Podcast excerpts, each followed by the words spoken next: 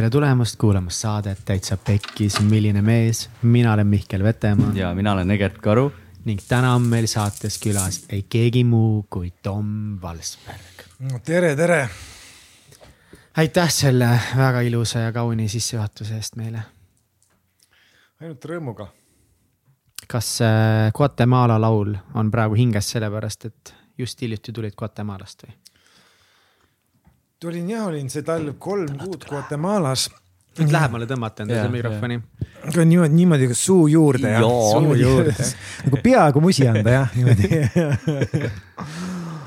et äh, see jää, kuidagi on jäänud jah niimoodi nagu hinge, et see on niisugune üks väheseid uusi laule, mida ma laulan, tegelikult mul on tegelikult terve plaat uute lauludega. et ähm, sellest Guatemalast saigi tegelikult väga palju jälle alguse, ta on niisugune väga pöördeline koht minu jaoks ja ma võib-olla lühidalt ütlen ka, et miks on ju, sest Atitlani järv on tegelikult Guatemala süda on ju, teda nimetatakse nagu vanaks sihukest maiade südameks. ja seal Atitlani järve ääres on neli või viis vulkaani, mõned on natuke kaugemal, tegelikult neid peaks seitse olema, kui kaugemaid ka lugeda.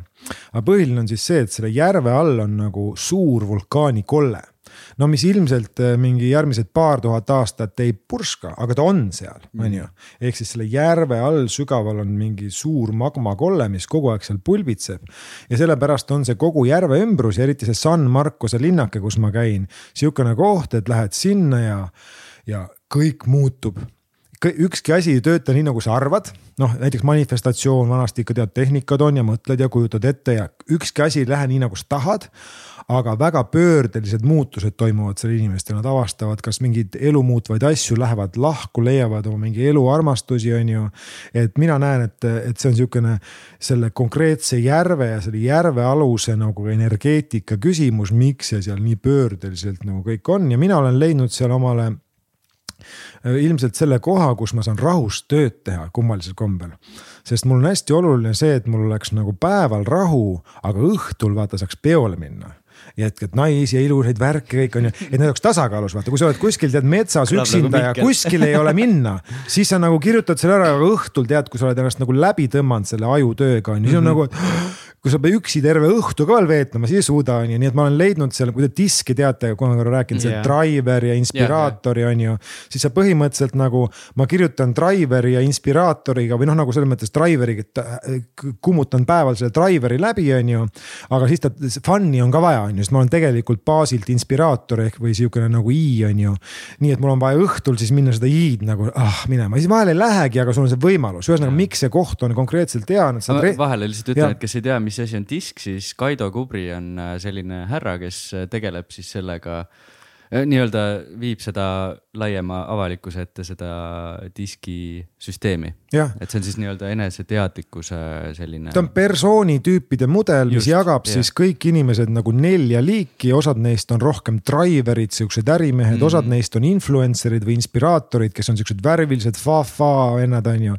siis on niuksed S-id, kes on, hoiavad nagu kodu, turvalised, võib-olla vanaema tüüp või ema siukene. ja siis on C-d, kes on põhimõtteliselt robotid, see on analüütiline mõistus, on ju, need, kes kõike kaaluvad ja kõike mõõdavad ja neid kõiki on vaja, keegi ei ole halb, keegi ei ole hea. ja võib-olla märguandeks noh teile või üldse, et oluline on see, et mitte liigitada inimesi, vaid need neli asja on sinu enda sisemised vajadused.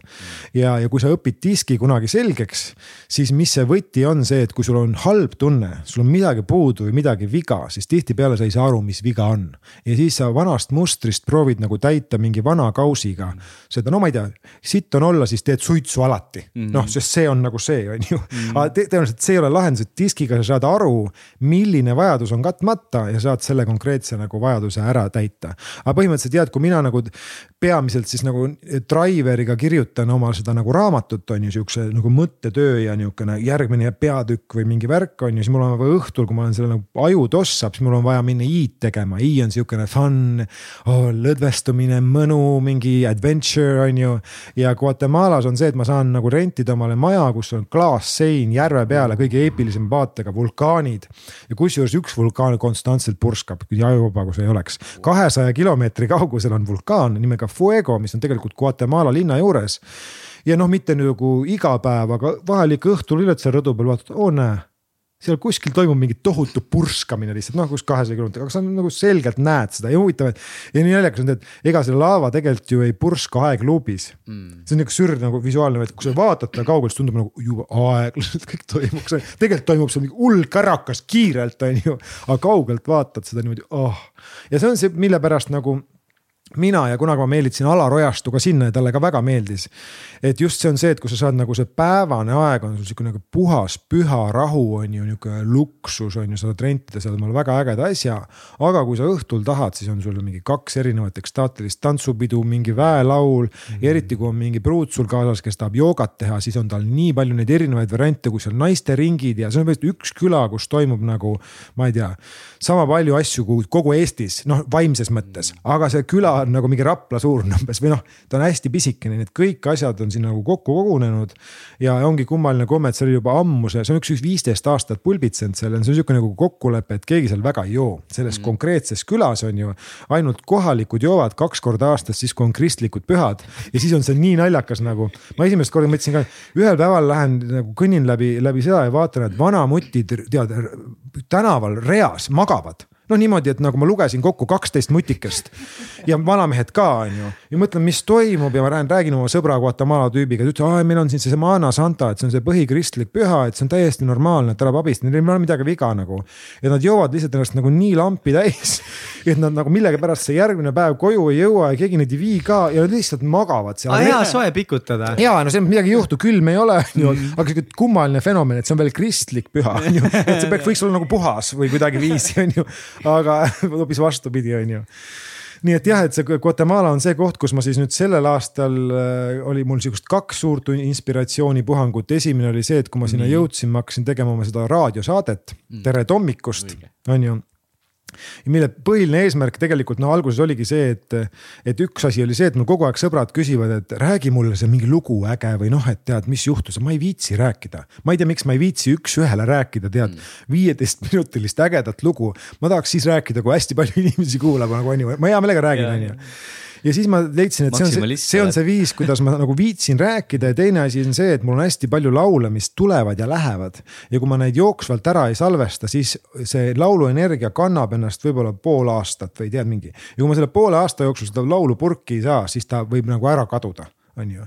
ja nüüd ma siis tänu sellele Tere hommikust saatele on ju, kus ma siis räägin oma reisidest, räägin ka diskist, räägin human design'ist, mis mul iganes pähe tuleb ja siis ma loen oma vanu luuletusi ka või uusi ka.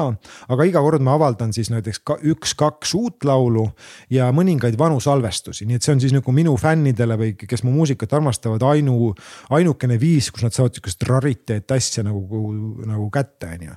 et see oli siis esimene idee, mida ma siis tegin ja mis siiamaani jätkub, on ju, et see Tere hommikust saade saade, ma iga kuu annan ühe saate välja, just praegu ka valmis Erki Kaikoneniga saade. Mm et äh, see oli esimene niisugune täiskülalisega saade mm. -hmm. et tavaliselt ma olen teinud seda täitsa üksi, rääkisime jah maskide kandmisest ja persoonist ja vaata nagu, et kes on mingi Tom Valsberg, mingi väelaulja, teie ka siin, te olete juba ka juba täitsa pekkis saate tegijad mm, -hmm. on ju. Te ei ole enam ise, ise, te olete juba need tüübid, vaata on ju. ma ei ole Mihkel, vaid aa, see on see täitsa pekkis Mihkel. täitsa pekkis Mihkel ja siis kuskil kellelgi sa oled varsti võib-olla või mingi isa või oled Peika või kogu aeg kanname ja need rollid ja mis see siis nagu, nagu tähendab, et pikalt me räägime räägime sellega Erkiga sellest, sellest saatest.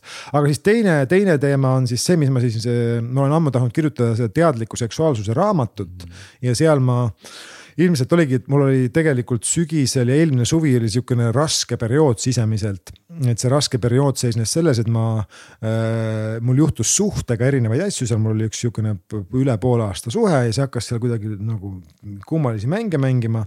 ja siis ma hakkasin käima teraapiates ja mõtlesin, et ma nüüd lahendan kõik oma vana ema probleemid ära, isa probleemid ära ja ma käisin nagu ilmselt nagu natsa noh, liiga palju või. sest vaata, see on sihuke, kerid nagu ühe niidi lahti ja siis ei ole nii, et homme on korras, vaid ta nagu veereb on ju. rullub lahti. ja mul oli sihuke tunne, et ma tai, ma lähen, siis ma käisin nagu erinevate terapeutide juures ja ma rullisin neid asju nagu korraga niimoodi lahti, et kui see laviin mulle lõpuks pähe nagu jõudis seal suve lõpus, siis mul oli mingi. mul nagu reaalselt näiteks mingi ilma põhjuseta pea surises kaks nädalat no nagu tead oleks, te olete kunagi teinud hing, vabastavat hingamist yeah,, kus sa hingad niimoodi, tead viisteist minti, siis on sul käed ja pea suriseb ja mul lihtsalt surises nagu ilma, ma ei hing- okay., ma ja midagi ei olnud teha, siis proovidki nagu seda tasakaalust, naljakad, kummalised kehalised protsessid käisid seoses, seoses selle asjaga. ja loomulikult noh, siis olid mul erinevad terapeudid ka, kes, mida ma, ma siis nagu, nagu põhjendasin seda hinge pimedaks sööks, mis on teatud sihukene kummaline fenomen, et võib-olla sellest on ka hea natuke praegu rääkida. ja räägime veits jah ja, et ma olen pannud siis tähele ja ma olen seda varem ka uurinud, see on tegelikult kristlik termin ja ma ei tea, vanasti seal mingid äh, pühakud on ju umbes, neil olid hinge pime öö kolmkümmend aastat järjest on ju, kus nad nagu, see on nagu mingi eneseotsingu tee ja, ja kõik justkui laguneb laiali ma ei tea, veendumuste süsteem laguneb laiali, sa ei tea, kes sa oled, sa ei tea, mis sa tahad, sa pead kõik nagu üle testima ja sihuke tunne on nagu, et põrand läheb alt ära lihtsalt. see oli ja, see, mida sa kogesid? no põhimõtteliselt ma kogesin enda sees niimoodi, et ma lihtsalt nagu energeetiliselt nagu surin, füüsiliselt ei olnud midagi viga, välja arvatud võib-olla pea. aga energeetiliselt nagu vajud täitsa nagu, nagu laiali. ja nii palju, kui ma siis nagu seda uurisin, sest see uurimine on, muidu sa oled lihtsalt nagu, kui sa ära ei mõtesta, siis sa oled nagu justkui nagu mingi depressioonis sa võid ka seda nimetada depressioonis, kliiniline psühholoogia nimetaks ilmselt seda depressiooniks, aga siis ongi võta tabletti, on ju. Aga kui sa võtad seda kui protsessi, kui, kui hinge pimedat tööd, on ju, siis see on sihukene protsess, mida ma kõige rohkem kirjuta, kirjeldaks niimoodi, et võta, võtame, et igal inimesel on mingi teatud nagu mingi ajumaht, on ju, või, või nagu neurokanalid, on ju. ja siis, kui sa oled neid nagu terve elu keevitanud teatud viisi kinni, siis sul on tekkinud teatud kindlad veendumused igas vallas ja, ja siis mingi hetk, ma ei tea, su, su sisemus või hing või, või ma ei oska öelda, miski sinus nagu vajab uut levelit, aga see, mis sa siin ehitanud oled, on nagu nii puine. Noh, et sa ei saa seda kangutada, näiteks ma ei tea, sa oled taimetoitlane, noh tegelikult on kaks vaatenurka, sa võid olla lihatoitlane, võid olla taimetoitlane, mõlemad on kuskilt nurgast vaadates õiged, on ju, kui sa seda ühte nii kaua nagu hoidnud, siis, siis sa oled nagu kuidagi puine selles ja hästi palju on meil siukseid erinevaid veendumusi, millest me aru ei saa, sest see on meie maailmavaade juba. ja mul on tunne, et vahepeal siis mingi hetk siis, kui sa oled nagu sisemise taotluse teinud, et ma tegelikult tahan areneda, siis su nagu vaimsus või, või keha saab, keha saab aru, et sa ei saa neid asju hakata jupikaupa üles nagu äh, muutma. sa ütleme nii, et sa oled ehitanud mingi maja, see maja on mingi teatud kujuga, aga selleks, et oma elu muuta, sa pead põhimõtteliselt selle maja korraks nagu nullini laiali lammutama mingi mingi uue augu kaevama, on ju. ja selle maja uuesti kokku panema mm. -hmm. ja ma nimetaks, see on sihuke psühholoogiline protsess, kus sa seda teed, aga see on tohutult hirmuäratav, kui sa ise arvad, et sa oled see maja on ju. aga sa võtad nad täiesti nagu pulkadeks lahti ja paned uuesti kokku ja see vahepealne olek on, ütleme nii, et noh, kui sa oled nagu kujutlikult selle maja, seal on põllu peal laiali need jupid, siis see on väga veider olek, siis sa ei tea, kas sa saad selle üldse kunagi kokku pandud. kogu kõik veendumuste süsteemid, mõttemustrid nagu pead nullist üle vaatama üks asi, mis muutus, ma olin nagu, ma olin aastaid ju nagu taime ja kalatoitlane ja siis mingi hetk ma pärast seda hakkasin üle tšekkama kuule, mul on vist okei okay liha süüa, on ju. Mm. nüüd ma väga palju ei söö, aga ma aeg-ajalt söön ja tunnen, et see on mul okei okay., ma kummutasin nagu mingi veendumuse lahti. ja see elu on loomulikult nii paradoksaalne, et, et ühest küljest võiks nüüd öelda, et kurat, ma tegin valesti, kuradi idikas nagu, et oli taimetoitlane nii kaua, ei ole. teatud ajaperioodil on teatud tõde õige ja siis mingi hetk tuleb ära tabada, millal see enam nii ei ole ja muuta, vot see on see elu nagu õige julgus, on ju. et kuidas muutustega kaasa minna ja miks inimesed nagu siis tihtipeale vanemad inimesed ei julge enam midagi muuta, sest nad ei julge seda noh, kui nad juba nii kaua midagi uskunud, siis kui ma üt-, kui nad midagi nüüd muud us, usuvad, siis nad arvavad, on kogu oma elu valesti elanud mm. -hmm. on ju, ma ei tea, kui nad üks päev saavad aru, et kuule, valge suhkur, kallis mees, ei ole sulle kuidagiviisi kasu. siis on justkui nagu raisatud elu. ja siis tundub, et ma olen viiskümmend aastat valget suhkurt söönud, et järelikult ma olen elu valesti elanud, et ma ei suuda aktsepteerida, et see oli see aeg, kus ma sain valget suhkut, nüüd ma sain targemaks, nüüd ma võib-olla valget suhkut ei söö, on ju. aga nad ei suuda seda shit'i ära nagu shift'i ära teha ilma selleta, et nagu see siis hukka mõista seda eelmist, on ju. aga see hinge pime öö siis nagu võimaldab äh, kõik uuesti ümber kirjutada ja hästi oluline on siis, mis sa nüüd selleks uueks veendumuseks võtad, on ju, või et jätad selle hästi lahti. Hmm nagu, kui mida rohkem suudad lahti jätta, seda maagilisem sa oled, on ju, ma olen korra käinud ka läbi selle eriti põneva teema, selle lamedama teema on ju, ja mina suutsin ta nagu võtta niimoodi, et ma uurisin selle asja läbi ja kui te mult küsite, siis mina ütlen teile ausalt, mina ei tea Te, te ilmselt teate väga selgelt, et maa on ümmargune. Yeah,, aga, aga, aga jah, aga yeah., aga selles mõttes ma olen nagu asja uurinud ja kurat, silmaga ei saa aru noh. Mm. et mina isiklikult ei tea, see võib yeah, olla kõik kokku luuletatud. Yeah,, see võib olla kõik kokku luuletatud. Ja mina lausa no,, mina ei oska, mina ei tea. Minu, mina olen avatud sellele. aga miks sa arvad, et see suhe äh, trigerdas sinus selle hingetöö või selle hingeöö? See on, ei no see oli teada, et tavaliselt et, et, et pimeda, hinge pimeda öö trigerdab mingi tohutu kriis su elus yeah. kas mingi, kas suhte purunemine, mingi tohutu haigus, mingi asi peab olema selle trigerdajaks, on ju. et sa hakkad iseenda sisse vaatama, on ju. ja, ja mul oli see lihtsalt see konkreetne nagu suhteprotsess mis, mis selle nagu sellisel viisil nagu käivitas, et ma mõtlesin, et ma nüüd hakkan ennast uurima, ma nägin, et see suhe peegeldas mulle mingeid teatud asju, mis ilmselt on mu vanematest on ju. mis ole, mis oli selline asi, mis tuli üles? suhtes või? mis see nagu noh, ma tean, ma usun, et neid oli palju kindlasti neid mustreid ja asju, aga mis oli see nagu, mis sul meelde tuleb? Ei no see põhi, põhiasi oli see, et ma näiteks, äh, mille, ma võin avalikult rääkida, millest see suhe nagu pekki läks, läks mm. sellest, et me läksime, me olime selle, selle naisega üks kümme päeva lahus on ju. me pidime lahku minema, on ju, sest ta tahtis mind maha jätta mingi hetk. ja ma olin siis mingi pissed off nagu, et kolmandat korda tahab mind maha jätta, et olgu siis nii, on ju, ja siis ma magasin teise naisega on ju. Ja see oli täiesti legaalne sellel hetkel, kui ma seda tegin. legaalne on ju, noh, selles mõttes, et nagu ei, ei olnud tegu petmisega. aga siis, kui me kümme päeva hiljem kokku saime, siis see tüdruk, kellesse ma tegelikult armunud olin, see vana pruut või mida, tuli, ütles mulle, et no kui sa nüüd, kui sa nüüd kellegagi vahepeal midagi teinud ei ole, on ju, siis me nagu, siis nagu ma tulen umbes tagasi, on ju ja mul oli nii suur hirm armastusest ilma jääda, et kui ma tagasi vaatan selle hetke peale, mul ei olnud isegi nagu minu teadvuses ei olnud mingit varianti ka, et ma ütleks, et kuule mingi, ma tegin mingit asja siin vahepeal, sest ma, mul oli nii tohutu hirm nagu armastusest ilma jääda, on ju, ja see loomulikult hiljem tuli mulle kahe kuu mhm. pärast, kui ühest protsessist see kõik välja tuli, tuli mul sihukese laviiniga sisse, on ju. aga ma sain nüüd aru, et kustkohast tuleb mul see nii tohutu hirm armastusest ilma jääda, et ma pean nagu valetama, on ju. noh, sest tegelikult valetada ta tohib ainult ühel põhjusel. noh, see on siuksed nagu erinevate hüvede nagu jadad, et mis on, mis on erinevad, mis on millestki kõrgem. et põhimõtteliselt ma ütlen teile, et te võite alati elus valetada ühel põhjusel, kui te päästate sellega kellegi elu mm Mm -hmm. valetage raisk, kui teil on võimalik nagu selles mõttes päriselt ka, sest see elu on mm -hmm. kõrgem kui see vale, on ju. Mhm. aga mingid muud asjad on kõik peaaegu sellest nagu madalamad, on ju, et sellel ei ole põhjust teha, on ju. et see oli see protsess, on ju, mis siis nagu äh, nagu käivitas selle, sest see, kui see ükskord välja tuli, et ma kaks kuud tagasi midagi tegin, mis ma nagu panin justkui, sest kui, ega ma, kui see asi juhtus, see oligi ühe korra asi, see naine, kellega ma magasin, läks äh, välismaale kohe, on ju. ja mina mõtlesin, et see on nüüd unustatud, sest ma ei ole temaga energeetiliselt seotud, ma olen tagasi oma selle juures ja mõtlesin, et see kuidagi kaob ära, on ju. ja see oli kõik suur enesepettus, on ju. No, saad aru oh., et ma arvan ja ma, siis ma panin tähele, et ma olen seda varem ka elus teinud mingites kohtades nagu justkui ühel või teisel viisil nagu midagi nagu teinud, mitte rääkinud.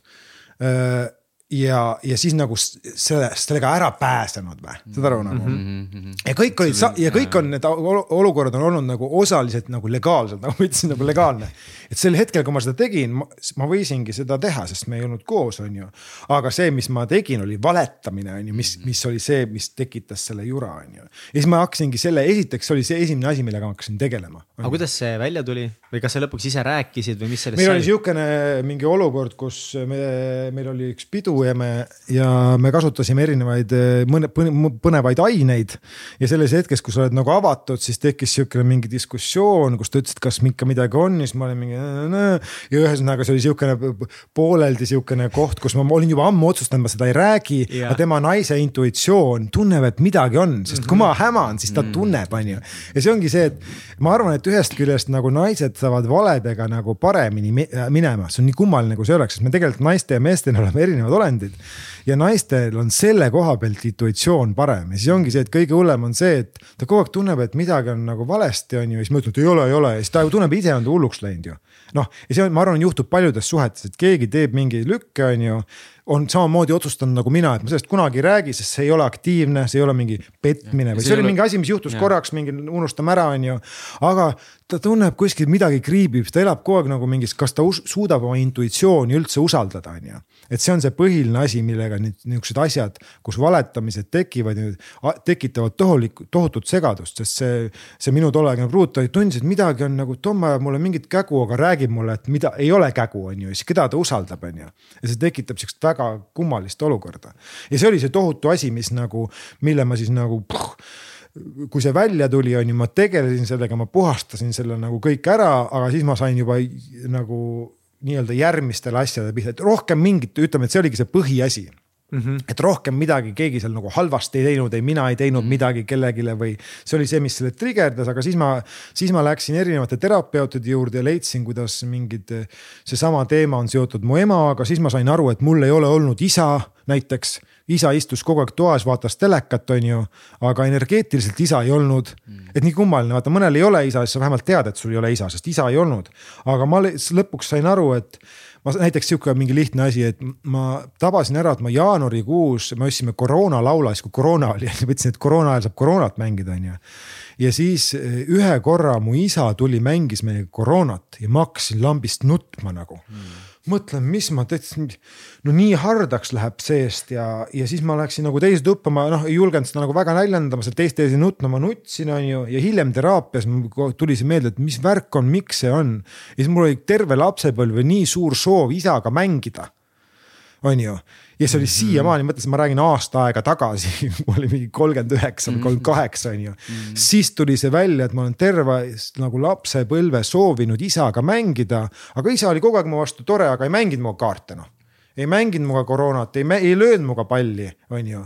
ja sihukene mingi soov seda teha on nagu kogu aeg nagu ja siis noh, mind nagu painanud ja siis see on nagu lõiganud ära selle, mis ma sain aru, mul on hästi raske olnud oma pojaga kontakti saada näiteks mu poeg on nüüd kolmteist, on olnud mingeid perioode, kus ma olen talle lähemale saanud, siis ma proovin jälle, siis ma tunnen nagu mingi sein on ees. ja siis ma eelmise suvi sain põhimõtteliselt nagu aru, et miks ma kogu aeg proovin ja ei saa. ei ole nii, et ei prooviks, et Tommy ei koti või on ju mm.. olen hullult proovinud ja siis ma sain näiteks eelmine suvi aru läbi selle isa protsessi, et mul puudus see nii-öelda blueprint. kuidas olla isa saad aru, sest minu isa seda blueprint tavaliselt ju käib see nagu järglaste kaudu mm, -hmm. et sa õpid ju kas õpetajalt või kelleltki midagi selgeks, siis nagu. aga mul oli see joon nagu puudu ja siis vaatad veel hullemini, et minul veel minu isaga oli nii enam-vähem, aga minu isal, minu tema, tema isaga oli täielik katastroof, just see nagu, et hingeline side emotsionaalne side puudub. Nad istuvad nagu samas ruumis, aga kunagi ei ole isegi nii nihukest vestlust pidanud, nagu me sinuga siin räägime. tead, vaadanud niimoodi silma, et kuule, kallis sõber, noh mm kuidas sul tegelikult läheb, on ju, inimesed elavad oma elud ära niimoodi, et isa ei küsi kunagi pojalt iial nagu päriselt räägi. seda iial, on ju et ja siis, kui sa seda lõpuks teadvustad ja vaatad ja siis ongi ja need asjad mõjutavad meid mm, -hmm. need asjad nagu kõik mõjutavad mm -hmm. meid. ja see oli nüüd üks isa asi ja see ongi see, ja see ongi kummaline on see, et, et me noh, paljud inimesed ju tahavad, et kuidas siis asju lahendatakse noh et kas sa lähed siis psühholoogi juurde ja mis see õige lahendus on mm., ühed ütlevad ikka, no mis siin, kõik see hüpnoos on mingi jura ja ma ei tea, NLP on mingi jura ja no ammugi need mingi inglitervendajad ja kes see sulle tarokaarte peab, see on ikka puhas soolapuhuja on ju. või no on ju. mulle tundub mõne jaoks nagu võib-olla teoorias, võib-olla isegi toimib nagu see, et umbes, et noh, get over it on ju aga noh, kuidagi nagu huvitav on jah see, et nagu väga paljud inimesed nagu ei tahagi nagu tegeleda või lihtsalt kuidagi seisukoht on see, et ah, saa üle ja mine edasi. kuidagi veider seisukoht. et mida ma tahtsin sellega öelda, on see, et mida mina olen saanud aru, on just see, et eh, lõpuks, lõpuks ei ole vahet, mis see su alateadvuses selle unlock'i teeb, mis sind terveks teeb. ja mõnele jaoks võib olla see mingi psühholoog, aga mis on väga kahjuks ebatõenäoline. palju tõenäolisem on, et sind teeb korda mingi konstellöör või, või kes tegeleb su perekonna asjadega. aga nii palju, kui ma olen saanud aru ja äh, kuna ma olen nii palju reisinud, nii paljude inimestega kohtunud ja kõigil on ju mingid probleemid ja kõik on oma probleemidele ju mingid lahendused leidnud, siis ma vaatan see, et näe, selle venna tegi korda see mingi ingliterapeut ja selle venna tegi korda mingi eelmiste elude rännak, on ju, ja selle venna tegi korda psühholoog ja siis ma vaatan, et aga seal ei ole vahet, mis see selle asja unlock ib kui see teeb selle asja korda. see on see, et pigem ise oleksid valmis sellega tegelema, ise läheksid läbi. ja igaüks peab leidma selle omale aitab. sobiva, seda ja sellest ei ole mõtet hukka mõista ei ühte ega teist.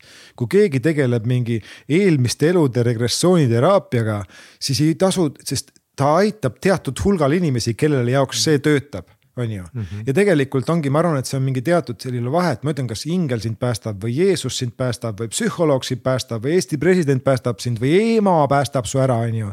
et need, need võivad tulla võimalikult erinevatest kanalitest, on ju, ja on hea olla võimalikult avatud nendele kanalitele, sest, sest aga mis on siis, kui sa usud, et psühholoog päästab sind, aga sinu võti on hoopis ingliterapeut no võib-olla on niimoodi mm, -hmm. et on ju, aga siis sa oled, sa oled, mis see ingliterapeut on täitsa uinamuina või mingi, keegi paneb. ühesõnaga, sa soovitad proovida erinevaid asju. ma soovitan proovida ja olla avatud ja saada aru, et, et, et kui sa vaatad, teed siis statistikat, kõik need inimesed, kes on, ütleme lapsepõlvetraumadest üle saanud ja keda on tõesti nagu, kes on olnud mingi deprekas ja vaata nüüd enam ei ole deprekas. kui sa teeksid nagu statistika, kuidas nagu nad korda said, sa leiad seda, et neid, neid liike terapeute, kes neid aidanud on, neid viise on väga palju erinevaid. aga mis sind päästis?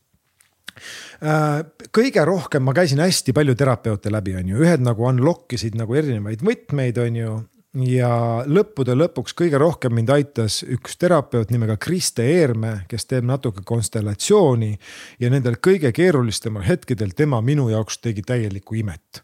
Mina olen käinud tema juures. ja see, need, siis ilmselt see on see, mida hullem olukord on, seda paremini toimib, on ju. Mm. ja tema oli minu täiesti see viimane õlekõrs, et kui mul täiesti maailm varises kokku, ma teadsin vähemalt, et nelja päeva pärast on mul seanss, on ju, ja ta siis, kui mul seda maapinda üldse all ei olnud siis ta hoidis mul need kohad ära, et mingitel hetkedel on vaja, et keegi sul nagu käest kinni hoiaks, on ju. et sa päris ära ei kukuks, siis kui ma välja tulin, siis oli juba parem, et tema oli nagu sihukene baas, aga ma käisin läbi väga palju tervendajaid, Tarmo Urbi juures käisin ja siis ma arvan, et ma käisin selle Androes vanaga rääkimas ja kõik siuksed nagu tegelased ja, ja konstellööride juures. ja ma ütlen, et igaüks paneb nagu oma killu mm. -hmm.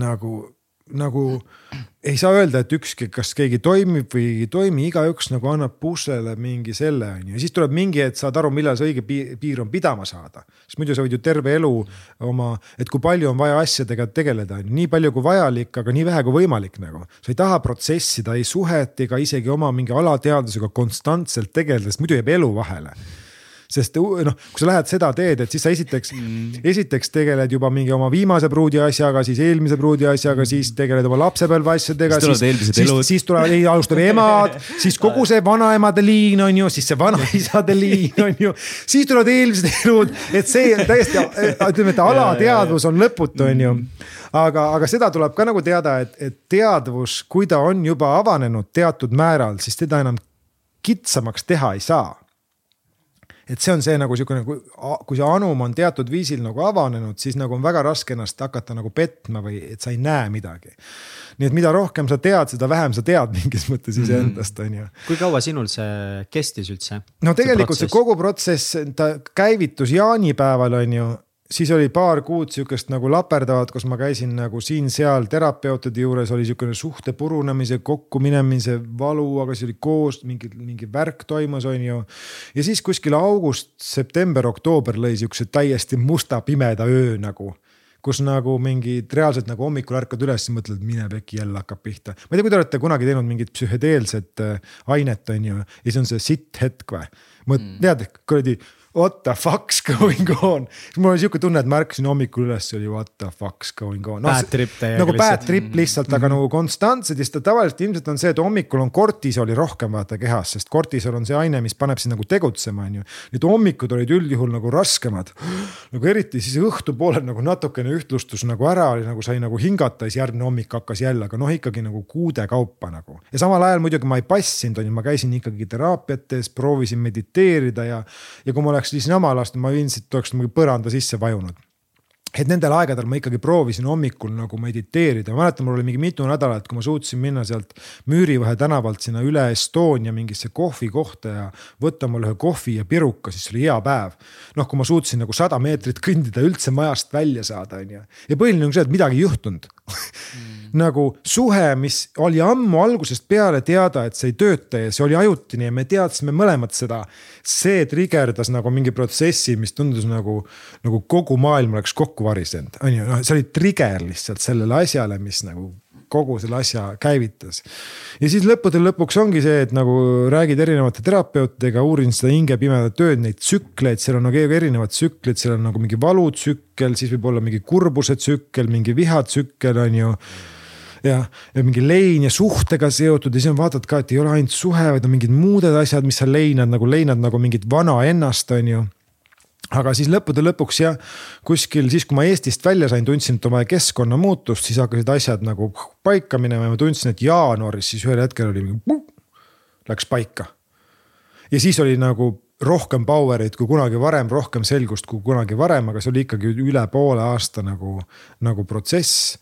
ja, ja selles mõttes, et kogu aeg tihtipeale oli selle protsessi jooksul nagu sihuke tunne, et miks ma ei jäänud nagu õlut jooma, noh miks ma taotlesin, et ma tahan areneda mm., miks ma taotlesin, et ma tahan näha ja endaga tuttava, sest see oli nii õudne, on ju, et ma oleks mõelnud kurat, kui ma läheks tagasi praegu ajas, ma ütleks nagu selle protsessi, ma nagu lihtsalt jooks, oleks, ma ei oleks taimetoitluses hakanudki, sest taimetoitlus tegelikult tõstab ikkagi energiaid ja sa oled nagu, nagu rohkem tunnetad ja whatever. ja mul oli kogu aeg mingi, miks ma, miks ma taotlesin seda selgust ja et ma puhastan kõik asjad ära, on ju. ja loomulikult, kui see läbi on, siis on jälle mingi, varsti oli juba peaaegu ära unustanud on ju, sest see uus selgus on nagunii nagu teadvus muutub ja adapteerumine toimub väga ruttu, on ju. ja praegu on jälle tõepoolest mingi täiesti mingi uus teadlikkus, täiesti uus nagu level on, nüüd ma olen selle human design'iga rohkem veel tutvunud, mis on aidanud mul ennast aktsepteerida, on ju ja tõepoolest asjad on nagu paremad kui kunagi varem ja mingi uus selgus on ja huvitav, ma saan nelikümmend see aasta on ju, et ongi sihuke tunne. millal su sünnipäev on? kakskümmend üheksa juuli. kakskümmend üheksa juuli. jaa nelikümmend, mis tunne on? täpselt samasugune tunne nagu põhimõtteliselt nagu ma ei tea, kolmkümmend seitse või nagu sisemiselt, aga, aga tõesti on sihuke tunne nagu vaata mingi Urmas Sõõrumaa sai kuuskümmend, ütles noh, nüüd nagu elu algab, on ju. ja ma usun teda nagu, ma usun, jabur, sest ma saan nagu nelikümmend ja nüüd mulle tundub, et. mis asja ma siis kahekümne viieselt tegin, sest vaata teadlikkuse tase oli lihtsalt nii palju madalam, et kuidas ma üldse mingis suhtes olin kuidas ma, mis, asja ma tegin seal, mul ei olnud mingeid baasteadmisi ühtegi, ühegi probleemi lahendamiseks nagu ma ei teadnud diski, ma ei teadnud human design'i, ma ei teadnud mingeid baasasju, kuidas naisele ruumi hoida. on ju, proovisid kogu aeg kõike parandada tar, targutada, on ju no tead küll, on ju, naine, naine tuleb, naine tuleb mingi räägib sulle mingit asja, siis ütled, aga tee, aga võta see juua, ei, aga teeme korda selle on ju, siis nüüd, nüüd on mingi ja, ja. ahah, väga, aa, sa tunned ennast niimoodi või, aa, valus on jah, aa, väga hea. siis vaatad mingi kümne minuti pärast probleemi ei ole. noh, siuksed asjad on ju, aga selle ma sain ka umbes kolm aastat tagasi selgeks või whatever on ju. Egert, sa tahad siin kindlasti mingit näidet tuua nüüd endast? praegu ei tule kohe pähe. ei tule? ei taha. ei taha aga jaa, põhimõtteliselt sama aga, trip noh. aga õnneks on jah, et kuna see teadvus areneb, on ju. ja, ja sa saad tõepoolest nagu targemaks kogu aeg, siis kui sa nagu oled selles arenguga, käid kaasas, siis su sisetunne läheb juba aina paremaks mm. -hmm. sa oled põhimõtteliselt äh, rohkem chill'im või rohkem pohhuist, mida vanem sa oled, on ju. seda vähem sa ja heas mõttes mm -hmm. nagu eluterve pohhuist, on ju. et sa võtad kõiki asju chill imalt, sa ei ärritu nii ruttu, sa ei tee võib-olla nii ruttu nagu mingeid kiireid otsuseid valel ajal või midagi, on ju, et põhimõtteliselt, kui sa, mis see vananemise nagu mõte on see, et kui sa suudad oma keha korras hoida siis, siis sul sisetunne läheb lihtsalt paratamatult aina paremaks, sest sa kogu aeg ju õpid, sa suhtud asjadesse paremini, sul on paremaid lahendusi probleemide lahendamiseks, on ju. ja nüüd on see ainuke võti, et, et, et kui sa suudad seda keha töös hoida. aga kuidas, kuidas sina oma keha töös hoiad? no mi, mina olen saanud aru, et noh, et kui ma näiteks Guatemalas olin, seal ma sain seda, ma käisin kolm korda nädalas korvpalli mängimas, tõmbasin ennast täitsa ribadeks, vahel kaks, vahel kolm, et mulle sobib näiteks korvpall. mitte, see on nagu isiklik asi, esiteks mulle meeldib meeskonna koostöö, mul on see põhiline see niisugune koostöömäng. mulle meeldib niisugune paar tundi intensiivsust, on ju, ja mulle tundubki, et see on niisugune, et, et, et spordiga on see väga niisugune piir, et kus sa hakkad endale liiga tegema, sest ma arvan, et paljud teevad endale liiga, paljud käivad liiga palju jõusaalis nagu. lõppkokkuvõttes elu perspektiivis nad, nad kulutavad ennast nagu rohkem ära, et kus see piir läheb, et elu ei ole nagu sprint, elu on maraton, on ju, et kes kõige aeglasemalt, mõnusamalt nagu seda läbib. Ja, ja kui ma kunagi kohtusin selle ma olin Balil ja ma mäletan, et üks vanamees seal mingi seitsmekümne viie aastane hullult reibas tüüp jooksis seal õue peal mingeid ringe ja ma küsisin, et mis värk on, et mis su see sihukene nagu võti on, on ju, siis tema ütles, et tema võti on see, et korra päevas aja oma südamerütmi üles ja ennast higile ja that's it mm. -hmm. tee seda ükskõik kuidas aga ühe korra päevas, tegelikult see võtab sul viis-kümme minutit mm. -hmm. kas sa jooksed, tõstad midagi, aga korra lööd südamerütmi nagu ülesse ja see on see noorendav jõud, mis iga päev seda teeb. et põhimõtteliselt higiseks, korra teed punaseks, on ju, ja sa jõuad selle viie kuni viieteist minutiga ära teha ja tema ütleb, et tema tead viimased viisteist aastat on seda teinud. ja that's it ja mina pigem nagu usun seda, et korra päevas nagu tagasihoidlikud. et igal juhul on parem korra päevas nagu kümme minutit teha mingit asja, kui kolm tundi korra nädalas ennast jõusaalis mingi puruks rebida, siis järgmine päev valutada, on ju. et ma arvan, et, et see on see võti et sihuke nagu, nagu lihtne liikumine, teine mees, kes on mul see Fantuusi, võib-olla olete kuulnud, üks, üks hipimuusik, kes on ka mhm. seitsekümmend viis on ju ja kes kindlasti meile kõigile teeks maadlusest tuupi, on ju ja tema no. on sihukene vend, ütleb, et tal ei ole aega kunagi trenni teha, on ju, aga tema kasutab seda igat nagu hetke, ta ilmselt oleks praegu siin nagu niimoodi nagu mm.. Ah, kütaks tooli peal no, mingid. aga noh, mitte korraks, vaid niimoodi korraks jutu käigus nagu teeb niimoodi kümme seda, siis istub edasi, on ju. ja tal on niisugune muster sees, on ju, et ta suudab seda kogu aeg teha ja kui sa suudad, teine asi on see, et sa suudad nagu iga nagu ma ei tea, poole tunni tagant teha mingi kolm kükki nagu. ja te, noh näha mm. kohe, et vend on nagu täis jõus, täis elujõus, on ju. aga põhiline on jah, et hoida ennast nagu liikumas ja arenemas nii vaimselt kui füüsiliselt ja kogu aeg proovida uusi asju. et see on see, mis hoiab meid elus. ja see on ilmselt see ka, et kui kellelgi jah, et kui kui midagi enam teha ei ole, siis see vanadus tulebki nagu ikkagi siit mõistusest on ju. üks uus asi, mida mina tahan katsetada või millest mina tahan teada, on teadlik seksuaalsus. ja mis, mis kuradi asi see on, sest on nagu juttu olnud ja siit-sealt hakkab tulema ja ma olen nagu mingites asjades väga palju teadlikumaks muutunud, aga seks on nagu selline, mille kohta teadliku seksi kohta me ei tea veel mitte midagi, mis vahe üldse on, mis, mis vahe on teadlikul seksil ja ma ei tea, tavalisel seksil siis või? On sihuke asi nagu tavaline seks olemas või? no, aga kui oleks, nagu, kui oleks nagu, mõtleme, arutame koos seda, et kui oleks sihuke asi nagu tavaline seks ja kui oleks nagu mingi teadlik seks mm, -hmm. et keegi on, ma ei tea, kümme aastat õppinud, ma ei tea, Mantak Chia juures või. või mingeid India tantra õpetusi või, või mida, et mis te, mis sul esimesena pähe tuleks, mis võiks nende vahe olla? no minu jaoks, ma arvan, peamine vahe olekski see, et, et tavaline seks nii-öelda siis on väga lihtsalt füüsiline et see ongi see, et nagu sul on kõva, see naine on hot, seksite, mingi higine on, täiega fun. siis teadlik seks on võib-olla see, kus sa oled mingis ühenduses ja nagu sa ei tunne seksi ainult nagu oma peenisega, vaid sa tunned seksi oma kehaga ja silmade ja kõrvadega ja. ja vaatad otsa ja hingad samas rütmis, võib-olla midagi sellist. jah, see on ka väga hea näide, jah. et neid elemente tegelikult, tõesti, sa vastasid küsimusele põhimõtteliselt väga, väga, väga, väga hästi. väga hästi, aga neid elemente, mis neid äh, nagu eristavad, on, äh, on nagu noh, päris mitmeid. esiteks on see, et nii-öelda tavaseks kas kasutab siis nagu seksi energia mahalaadimiseks, võiks seda nimetada. see tähendab seda, et mees tuleb nagu töölt koju, on ju, ta on kuidagi äksi täis, ta on driver'is on ju, siis tal nagu tead, ah, tahaks selle energia kuidagi maha laadida ja siis ta läheb seksivama naisega, paneb puraka, on ju. või siis ta onaneerib, vaatab mm -hmm. pornot, on ju. ja selle lõpptulemus on see, et oh, on sihukene nagu mingi energialangus, lõdvestus ja sihukene mingi sihukene nagu oh, nüüd sai sellest nagu mingist energiast lahti tunne, on ju teadlik seksuaalsuse põhiprintsiip on see, et eh, seksi käigus ei kaotata seksuaalenergiat ehk siis eh, eh, teadlik seks on siis, kui sa sedasama energia on ju nüüd tõstad ülespoole, see on selline suuna su,, suunaline erinevus tavaline seks lõpeb ju seemnepurskega mm -hmm. ehk siis energialangusega. no kogu see akt ei pea sellega lõppema, kui sa ära tuled, sa võid naisele edasi teha jah, põhimõtteliselt, kui sa jaksad ja sul on mingid tead tahtejõudu, siis sa võid teha ja mingi hetk ja mingi hetk sa taastud, on ju. aga põhiline on siis sisuline erinevus on see, et ühe jooksul sa ikkagi kaotad energiat ja, ja teise jooksul sa ei kaota energiat, nii et ma toongi siis nagu, nagu selle noh, selle põhilise näite on see, et et kui sa ikkagi kaks tundi naisega seksid ja kas siis ühe puraka paned või kolm purakat paned, siis selle kahe tunni pärast sa ikkagi tõmbad norskama. noh, varem või hiljem sa nagu see, see energialangus jõuab sulle järgi. aga kui sa nüüd teed sellesama energia üles tõmbad, siis, siis see on tohutu vahe, et pärast seda kahte tundi seksi või kolmveerand tundigi seksi, mis on tegelikult suur asi mõnes, mõnes suhtes on kolmveerand tundi nagu ikkagi väga kõva tegija. saad aru, see energia, mis sa siit alt muidu alla lased, sa tõmbad selle A kas südamesse mis tekitab põhimõtteliselt sulle mingi suht MDMA tripi, su süda läheb lahti, on ju, see on üks variant, et sul tekib sihuke nagu kas naeruorgasm või värk, on ju, aga tegelikult, mida mina tavaliselt teen või mis on juhtunud, sa tõmbad selle pähe.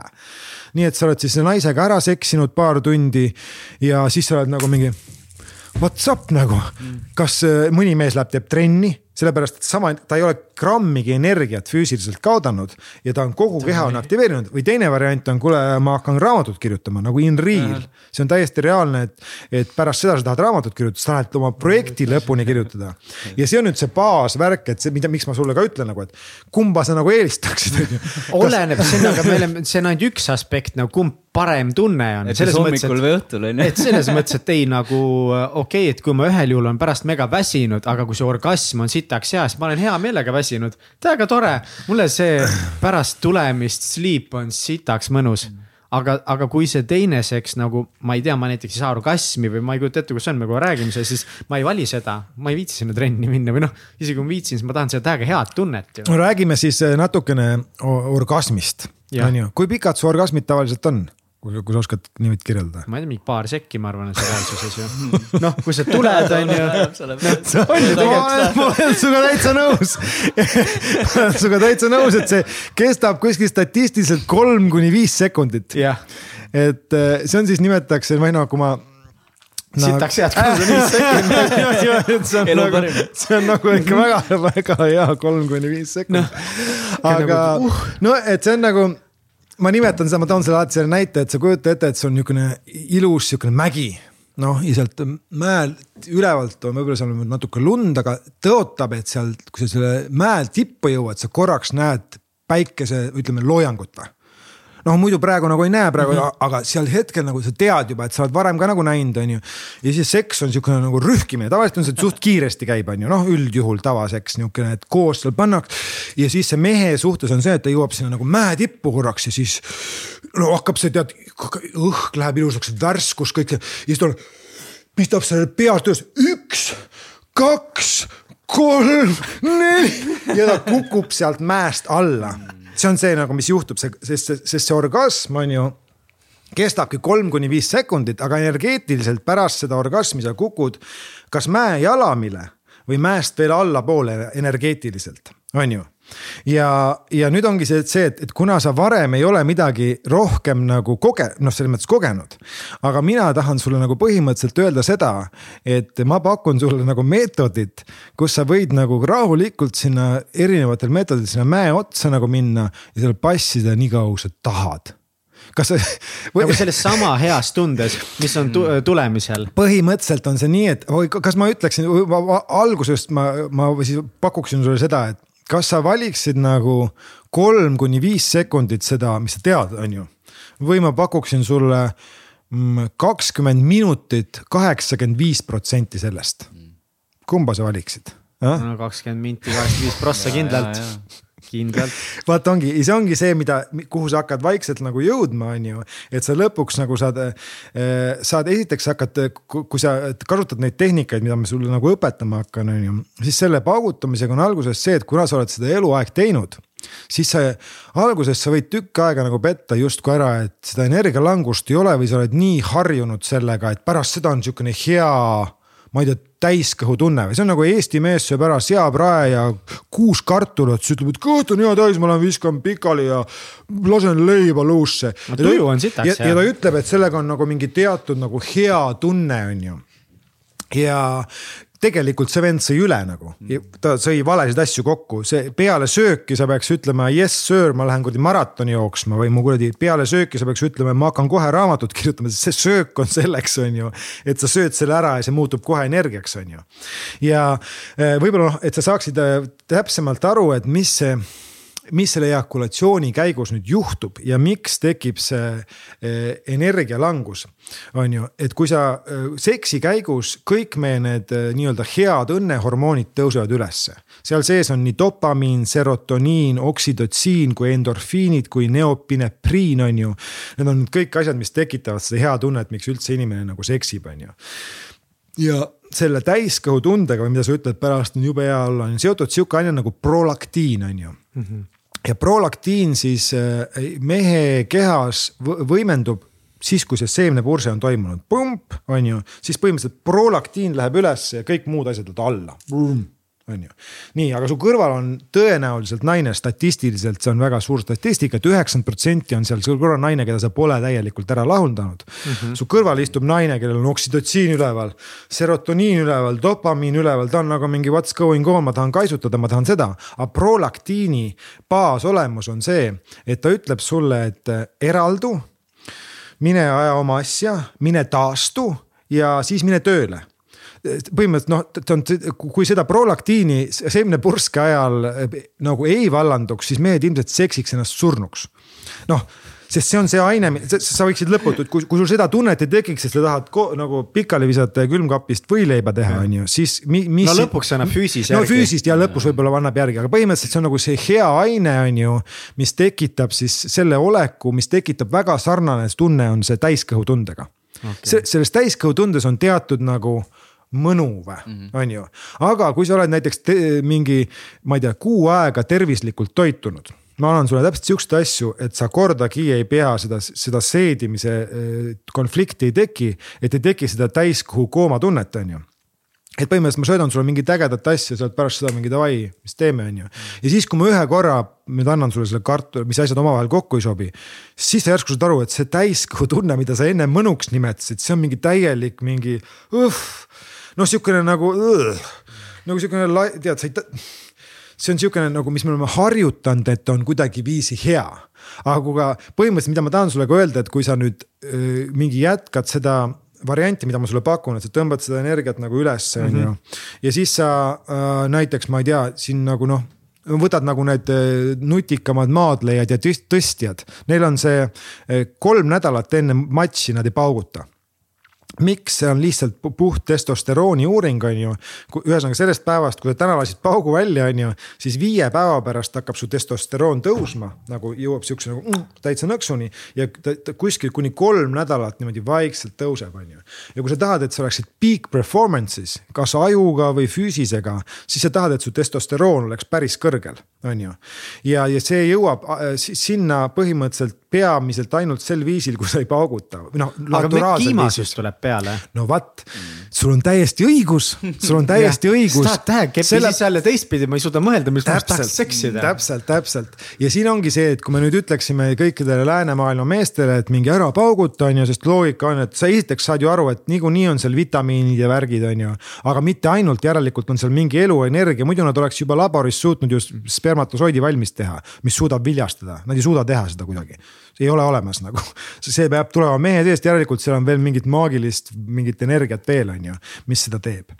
ja, ja, et, et seda keegi ei ole teinud laboris ei ole tehtud, kui see oleks kuidagi mingi keemiline asi, mis saab mm. kokku teha, ei saa teha, on ju, tegelikult on seal siis seotud, see on ikkagi seotud mingi, mingi eluenergiaga on ju, see, mis sealt, mis meil praegu küsimus oli, mul praegu läks nüüd lappa. et nagu üldse me hakkasime nagu räägime sellest, et kui kolm nädalat ma ei pauguta enam, siis, et siis Aa, võiks jah, tulla jah. nagu peak performance, aga mm -hmm. samal ajal ma lähen täiega kiima. ühesõnaga, mis nüüd juhtub, siis see on et äh, meil on see niisugune, kas olgu see siis tšakrasüsteem või noh, aru saame küll, et meil on vähemalt aju ja süda ja seksuaalsus, et isegi kui me ei usu tšakrasüsteemi, me saame aru, et on mingid erinevad kohad meil on ju.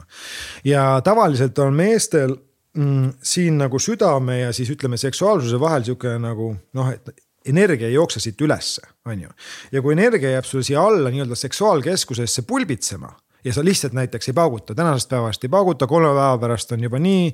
nelja päeva pärast hakkavad juba naised väga ilusaks muutuma, kahe nädala pärast on juba iga teine naine niisugune kõige ilusam, et kohe läheks, on ju, saad aru. on ju, see on sellepärast, et su, et su energia on teises keskuses kinni Need praktikad, mida õpetab siis Mantak Chi ja kui sa lähed ükskõik millise nagu baas äh, äh, mingi teadliku seksuaalsuse praktikateni, siis ma õpetan sulle, kuidas seda seksu-, seda energiat, mis sul siin kiima tekitab, vaikselt üles tõmmata erinevate harjutustega nii et kui sa suudad sedasama energia siit üles tõmmata, kas ta jõuab sul südamesse või jõuab sul pähe, siis see energia hakkab siit ülesse minema ja seda kiimastust ei teki, sest kiimasust. ei, ta üldse seksid enam või? Äh, siis on see, see on, see on nagu justkui nagu lahti, et sa saad seda mingitel, mingil hetkel sa saad seda regullima hakata, on ju.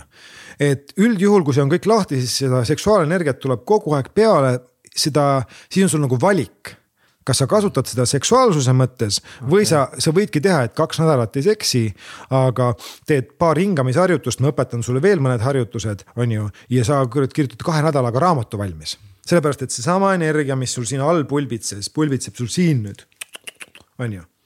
Ja see on see, miks nüüd nagu või miks räägitakse, et mõtle, et, ebatervislik on, et kui sa ei pauguta, siis mingi sperma läheb hapuks ja whatever nagu vaata mingid noh, tavalised arstid võivad sihukest juttu rääkida, on ju nad ei ole andnud nendele meestele praktikaid, kuidas energiat üles eh, tõmmata ja see on väga keeruline anda, sest nende arvates energiat ei eksisteeri ju saad aru, kuidas sa annad nagu noh, niimoodi on ju füüsilised asjad, on ju. ja põhimõtteliselt, mis selle spermaga siis juhtub, et, et seda spermat toodetakse ikkagi seal munandites sulle juurde, aga seal sees on näärmed, kus see põhimõtteliselt eh, sinu enda eluenergiaks tagasi imendub.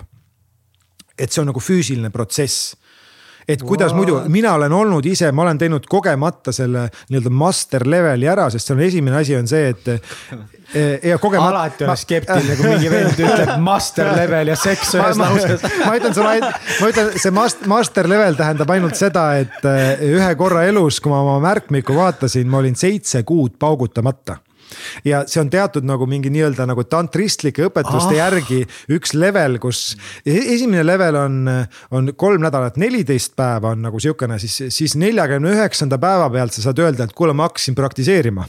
kui sa oled nelikümmend üheksa päeva ära olnud, siis sa juba saad öelda, et no ma hakkasin nagu tegema ja seitse kuud on sihuke asi, mida nad siis nagu justkui soovitavad ühe korra elus ära teha, see on nagu see Jeesuse paast on ju, et. et korra elus sa võiks selle neljakümne päevase paastu teha, see teeb su psüühikaga mingi nagu, nagu värgi, on ju see ei ole võimalik ilma harjutusteta. Yeah.. see okay., see on ohtlik isegi, ma ütlengi, et isegi üle kahe nädala ilma harjutusteta lihtsalt mitte nagu mitte lasta, sul hakkab alt keema on ju, sest sperma nagu toodetakse juurde ja kui sa sellega midagi ei tee, sul ei ole tehnikaid, kuidas seda üles tõmmata, siis sul võivad tulla sinised munad, mis ei ole tegelikult üldse eluohtlik ja muutud sa äärmiselt kiimaseks. aga põhimõtteliselt me lihtsalt mängime selle energiaga ja siis ma ütlengi, et kui ma, kui ma näiteks õpetan sulle mingid asjad selgeks ja siis sa näiteks kaks nädalat ei pauguta ja vaata siis, kui sa ühe korra nagu paugutad, siis pärast seda, seda pauku sa saad aru, et vau wow, mis toimub nagu hoopis nagu, siis sa tunned seda energialangust hoopis teistmoodi ma noh, võiksin tuua illustreeriva näite, on ju, oletame, et me oleme söönud siin eh, kogu aeg McDonaldsis mm. -hmm no tõenäoliselt me oleks natuke paksemad, aga mm, -hmm. aga meile ei tunduks, et see kuidagi halb on, et ma iga päev, oi, ma nüüd sõin ära ja nüüd on pahasti kuidagi, ei ole, me keha on sellega harjunud.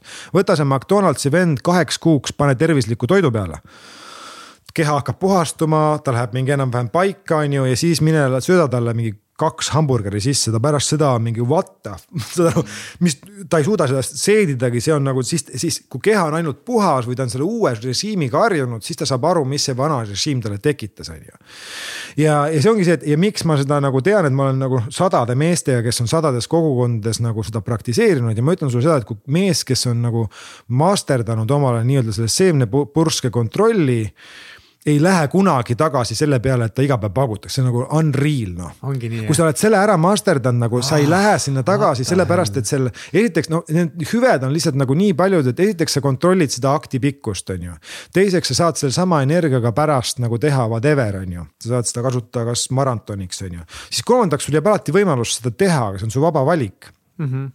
siis neljandaks hakkad aru saama, et see on mingi kummaline protsess, et kui sa kui sa ejakuleerid niisama siis see on, sa hakkad varem või hiljem seda energiakaotust nagu tundma. kui sul õnnestub ejakuleerida samal ajal, kui naine saab orgasmi, siis toimub mingi kummaline protsess, mida ma olen igalt poolt lugenud ja ma olen sellega nõus. et energeetilist nagu energiakaotust ei pruugi toimuda seal toimub mingi energeetiline vastastikune plahvatus, et kui suudad selle nagu nii-öelda kaks mees ja naine plahvatavad mm -hmm. samal ajal, siis sa võid justkui sellest paugu energiakaotusest nagu puhta nahaga pääseda, on ju. no see on see suht nagu dream, seda tahaks täie kõige rohkem nagu samal ajal orgasmis olla. no vot, on ju. ja siis ongi see, et noh, et neid, neid asju on nagu nii erinevad, et, et, et see viis, kuidas nagu noh, me rääkisime sellest, mis on siis nagu tavaseksi ja teadliku seksuaalsuse nagu erinevused on, seal on no, no paljud naised ei tea, et nad võivad saada üheksat erinevat orgasmi meil on nagu mingi kliitoriorgasm ja siis mingi sisemine orgasm on ju. -hmm. seal sees on nii palju erinevaid orgasme, mis on nii palju erinevate eh, nagu tasanditega, erinevate sügavustasanditega on ju eh,. siis eh, noh, see, see on see kõik, mida see teadlik seksuaalsus nagu õpetab ja, ja räägib ja siis hakkab naine juba aru saama, et kliitoriorgasmil ja sisemisel orgasmil on nagu väga suur vahe. ja siis kui statistikat vaatab ja statistika on päris karm, väga vähesed naised saavad regulaarselt sügavaid orgasme. see on nagu, see on oh nagu seda üldse, see on kriminaalne.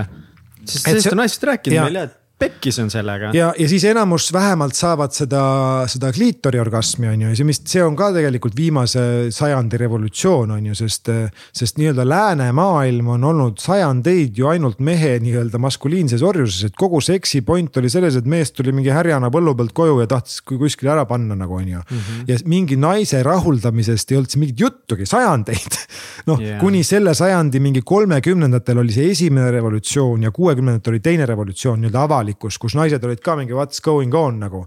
kuule, seks on ikka sihuke asi, kus me võiks ka nagu mõnu saada või mis värk on, on ju, ja sealt see asi nagu veeres, on ju. aga loomulikult nagu nii Lõuna-Ameerikas kui Indias kui Hiinas, Vana-Hiinas on ju taoistidel on need õpetused kõik nagu teada et noh, ma olen uurinud nüüd igasuguseid pühaürikuid ja seal on siuksed näiteks mingi Hiina keiser mingi puistas oma seemet korra kuus täiskuu ajal ühele oma sellele haaremist ja viljastas iga kord ühe naise ja siis tollel ajal olid need hästi nagu salajased õpetused, sest siis nad ei tahtnud, et mingi tead maamats nagu teada saaks sellest, on ju. noh, sest kui kõik, põhimõtteliselt see oli ikkagi nagu noh, kui, kui kõik mehed masterdaksid oma nagu seda seksuaalsust, ehk seda energiat, sellega kaasneb ka kohalolu, vitaalsus, selgus. see tüüp on palju vähema tõenäosusega kellegi mingi ori või, töötaks mingi korporatsioonis, ei tööta nagu, see mees juhib ise oma elu, see mees teeb ise oma firma või noh on ju. et see on ikkagi nagu ja see, see on nagu baaselu energia energia, on ju noh, millest me siin räägime. aga kas see, kuidas see mõjutab nagu just seda mingit ühenduse poolt nagu seksiga, et üks asi on kõik see praegu, see on sihuke väga nagu mõnes mõttes väga füüsiline. millest me räägime, füüsilised protsessid, see elujõud, vitaalsus. aga ma ei tea, kuidas sina üldse seksides nagu naisega mingit sügavat kontakti lood või kas see on mingi täitsa teistsugune teema või? no see kõik on tegelikult nagu ühe sama poti teema, mingi mm -hmm. alustades mingist prostadest asjadest, et eh, kui paljud inimesed vaatavad seksi ajal üksteisele silma statistika näitab päris õudselt, mina ei kujutaks ette, et ma ei vaataks naisele silma või noh. või et võib-olla ma korraks ei vaata, aga enamjaolt on see nagu see kohalolu üksteises sukeldumine ja see värk on ju, et see on juba üks asi, mis loob selle connection'i. aga paljud on mingid abielupaarides suhetes, kus nad nagu seksuaalakti käigus ei teki connection, üks asi nagu, nagu näiteks see silma vaatamine on ju. noh, nendes teadliku seksuaalsuse praktikates on nii palju nagu harjutusi, eh, mis, mis võimaldavad siis nagu noh, võiks öelda rituaale või mis võimaldavad seksuaalsust uuesti üles äratada, polaarsust uuesti üles äratada. Ja ma ei kujutagi ette, et kui ilma nende praktikatega, kuidas saaks üks viieteistaastane suhe nagu püsida see on pea, see on peaaegu nagu mingi nõela silmast läbi minemine. kui sa ei, kui sa ei tea neid asju, kuidas polaarsust tekitada, sest kui sa magad naisega lihtsalt kuid samas voodis kogu aeg, siis see polaarsus lihtsalt kaob ära noh, see magnetism, sa paned kaks magnetit, nad on nii kaua koos no,. siis, siis sa pead hakkama õppima, kuidas sa saad seda polaarsust tekitada.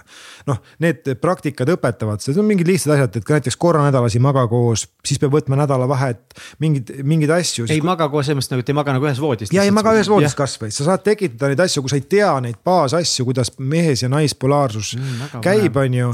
või noh, lihtsad asjad näiteks eh, ka, et kas sa teadsid, et on ju naine, naise, naisel avaneb avaneb alati enne süda ja siis avaneb seksuaalsus ja mehel avaneb seksuaalsus ja siis avaneb süda.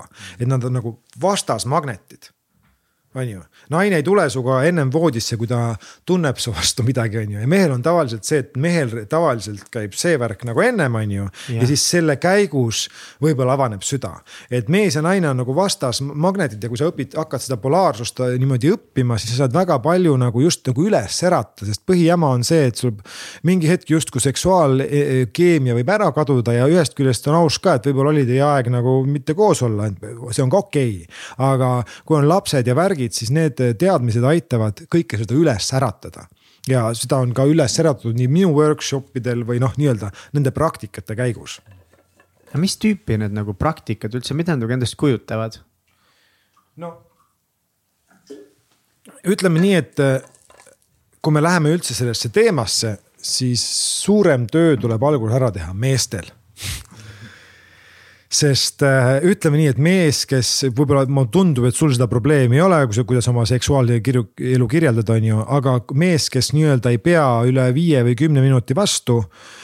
siis, siis ei olegi midagi teha ju ta erutub üle, ta ütleme nii, et ma nimetan seda siis nagu, et kujuta ette, et sul on siin nagu Kubemäe piirkonnas õhupall siis sa hakkad seksima, sa erutud, siis õhupall hakkab energiaga täituma. aga see õhupalli capacity on nagu, nagu õhupalli capacity on ju. ja nüüd, kui ta jõuab selle oma maksimumini, siis ta plahvatab lihtsalt, that's it nagu on ju mm. -hmm. ja kogu see asi, mida ma siin hakkan järk-järgult meestele õpetama, on see, et kui sa, sa nii-öelda lased selle õhupalli täis ja siis selle asemel, et seda alt välja lasta seemnepurskaga, sa lased seda õhupalli endal siit ülesse sedasama energiat, siis su keha läheb rohkem energiat täis, siis see õhupall jälle läheb täis ja nii sa hakkad nagu seda energiat ülesse, ülesse pumpama selle seksuaalakti jooksul, on ju.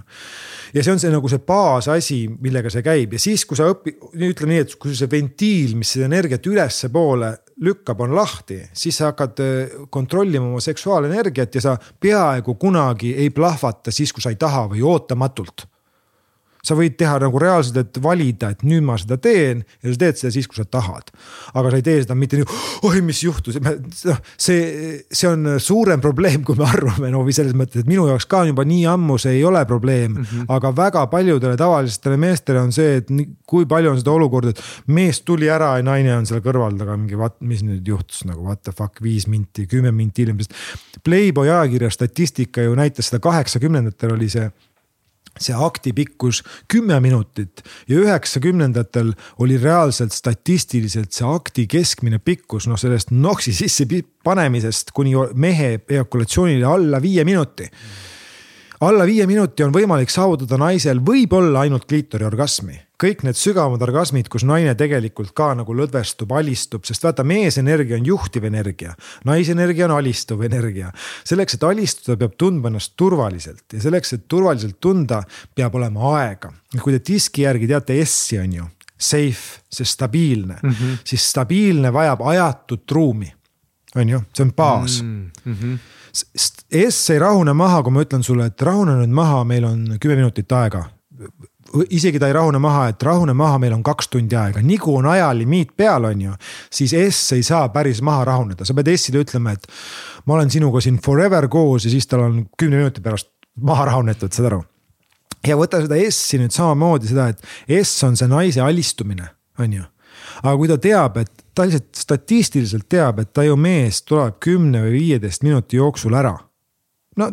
On seda varem kogenud, et see lihtsalt nii juhtub, on ju. siis kuidas see S või naine saaks niimoodi alistuda, et tal on tead, ta on nagu naisookean, kes lihtsalt orgasmis sul vapub seal niimoodi, et ta kaotab tõesti oma mõistuse, et noh, et Oh et, et uh., et see ei ole nagu, see kahtlemata viib, see praktika sind selleni, et mingil hetkel sa pead hakkama naisi ka tagasi kutsuma, et tulevad sulle voodist tagasi, küsivad. kus ma, kus ma käisin? Kas ka- ka- kaua, kaua ma ära olin, sest, sest ta selles käigus, selles alistumise käigus, see alistumine on nii suur, et ta alistub ka oma egost, on ju, see on niisugune nii-öelda kõige suurem niisugune rahul, rahuldamine või kõige suurem niisugune et alguses ongi see, et kui naisel hakkab seksuaalenergia jooksma, siis ma nimetaksin seda, et see on nagu niisugune, tead see, see surveprits. kui kundaliini läheb ka käima, siis ta alguses nagu mis asi on kundaliini? Kundaliini on siis nagu, ta on tegelikult kaks energiakanalit, mis hakkavad nagu jooksevad mööda selga üles, et kui sa ise oled kujunud ka seksi ajal vahepeal nagu siit sabakondi juurest lööb nagu mingit energiat nagu ülesse, on ju.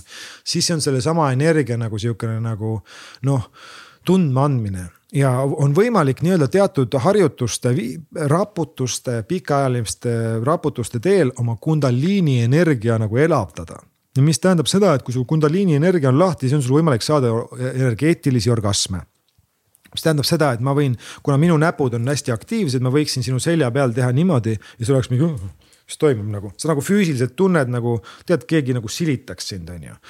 Ja see on tõenäolisem nagu naistel, aga kõik mehed võivad ka nagu energeetiliselt oma kundaliini nagu avada ja ma arvan, et kui sa enne siin kirjeldasid oma seda mingit tunnet, kus oh, sa tunned, et ei olegi nagu seksuaalsus ei ole enam ainult siin all nagu kubemes on ju, vaid seksuaalsus hakkab nagu üle läbi keha minema. see on nagu osa sellest kundaliini nagu avamisest, aga, aga naistel saad seda noh tavaliselt on nii, et kui naistel kundaliini avaneb, siis nad hakkavad tegema nagu selliseid liigutusi, mida nad hästi nagu ei saa pidurdada. Ja kui nad hakkavad nagu džembet mängima, et tihtipeale nagu Aafrikas on nagu naistel on kundaliini lahti ja kõik hakkab džembet mängima, siis nad kõik on nagu ussid, vaata noh, kui ta, see hakkab mängima. ja see on, see ongi see uss, mis on ja sa ei saa nagu seda. lõpuks noh, naine, kui see, ta selle avaneb, siis ma olen tavaliselt naistele õpi, õpetanud selgeks maanduse, et ta põhimõtteliselt saab ennast nagu mina maandan ennast praegu nende, näiteks nende asjadega. tal on võimalik sealt õppida selgeks maandus, et ta lõpuks saaks seda kontrollida algus, kui ta lahti läheb, on see, et nii kui ta, tema vastu tuleb mingi maskuliinne mees, siis ta lihtsalt aktiveerub, sest see on lihtsalt seesama polaarsus, on ju. ja, ja siis järgmine etapp sellest, kui kundaliini on avanenud, on nagu õppida naisel see maandus selgeks, et ta saaks ise valida, et vaata sellele mehele ma avan ennast, lasen lahti ennast, on ju. aga sellele ma ju tunnen ennast turvaliselt nagu ja ma veel ei ava aga põhimõtteliselt jah, kundaliini on sihukene energia, mida sina ja mina, ma ei tea, ma võin sulle soovitada mõnda, mõnda nagu praktiseerijat, seal ei ole otseselt vaja isegi genitaalidega midagi pistmist, see on teatud nagu põlvede raputamised, mis avanevad vaikselt su kundaliini energiat, see tundub nagu midagi sellist nagu. ja see on nagu veider alguses. Ja see on hästi veider meestele, sellepärast et vaata, ta on, me oleme kogu aeg harjunud kontrollima, on ju aga naise seksuaalsus on kontrollimatu, on siukene mingi vei-, mingi, miks ma nii teen, miks ma nagu, see vajab alistumisest, on ju, et on nagu femini-, kundaliini energia on nagu feminiinne energia, on ju. Ja siis ongi see, et lõppude lõpuks, kui mõlemal on nagu, nagu kundaliini avatud, siis sa oled nagu mingis ma ei tea, psühhedeelses seisundis voodis, ajatusruumis, mingis superkaifis ja väga kaua ja seal käib ka aja, see aeg kaob ära täielikult. kuna sina enam ei, ei lähe, kuna see energia siis õhupallist jookseb sul automaatselt ülesse juba ise, sa ei pea isegi mingit harjutust selleks varsti enam tegema. sest alguses sa pead tegema voodis nagu hakkab see õhupall täis saama, sa pead tegema mingeid harjutusi, mis on hingamisharjutused või kõige lihtsamal viisil sa pead viima füüsiliselt energia kuskile mujale sealt alt. mille kõige lihtsam asi on see näiteks hõõrumaa rinda seksi ajal. seksi ajal ja kui sa tunned, et hakkab nüüd pauk tulema yeah. nii-öelda siis, siis sa teed mingi kohaga, teed intensiivsemat seda ja energia hakkab alati voolama sinna, kus on kõige intensiivsem nii et kui, kui sa võid proovida, kui sa seksid mm, -hmm. siis sa teed nagu mõnda aega nii, järsku tunned, et see pall või see soov plahvatada mm -hmm. nagu vaibub, ta tõmbab. seda saab kohe pihku pannes katsetada. no seda saab täitsa pihku pannes katsetada ja see on ka mm -hmm. üks praktika, et ega mehed ilma nii-öelda selle onaneerimise katsetamiseta seda teed käia ei saa. alguses on üks osa sellest, kus nad peavad õppima tundma oma seda point of no return'i on ju, sest see on kuskil seitsmekümne protsendi pool, noh, et seal on kuskil sada protsenti on see orgasm, on ju. ja nad peavad õppima, kus kohas see nende point of no return on ja siis sellega nagu mängima. kuni lõppude lõpuks sa oled põhimõtteliselt nagu niimoodi, et esimene etapp on see, et noh protsentuaalselt ma ütlen sulle, et sa siis võngud seal üheksakümne, saja vahel.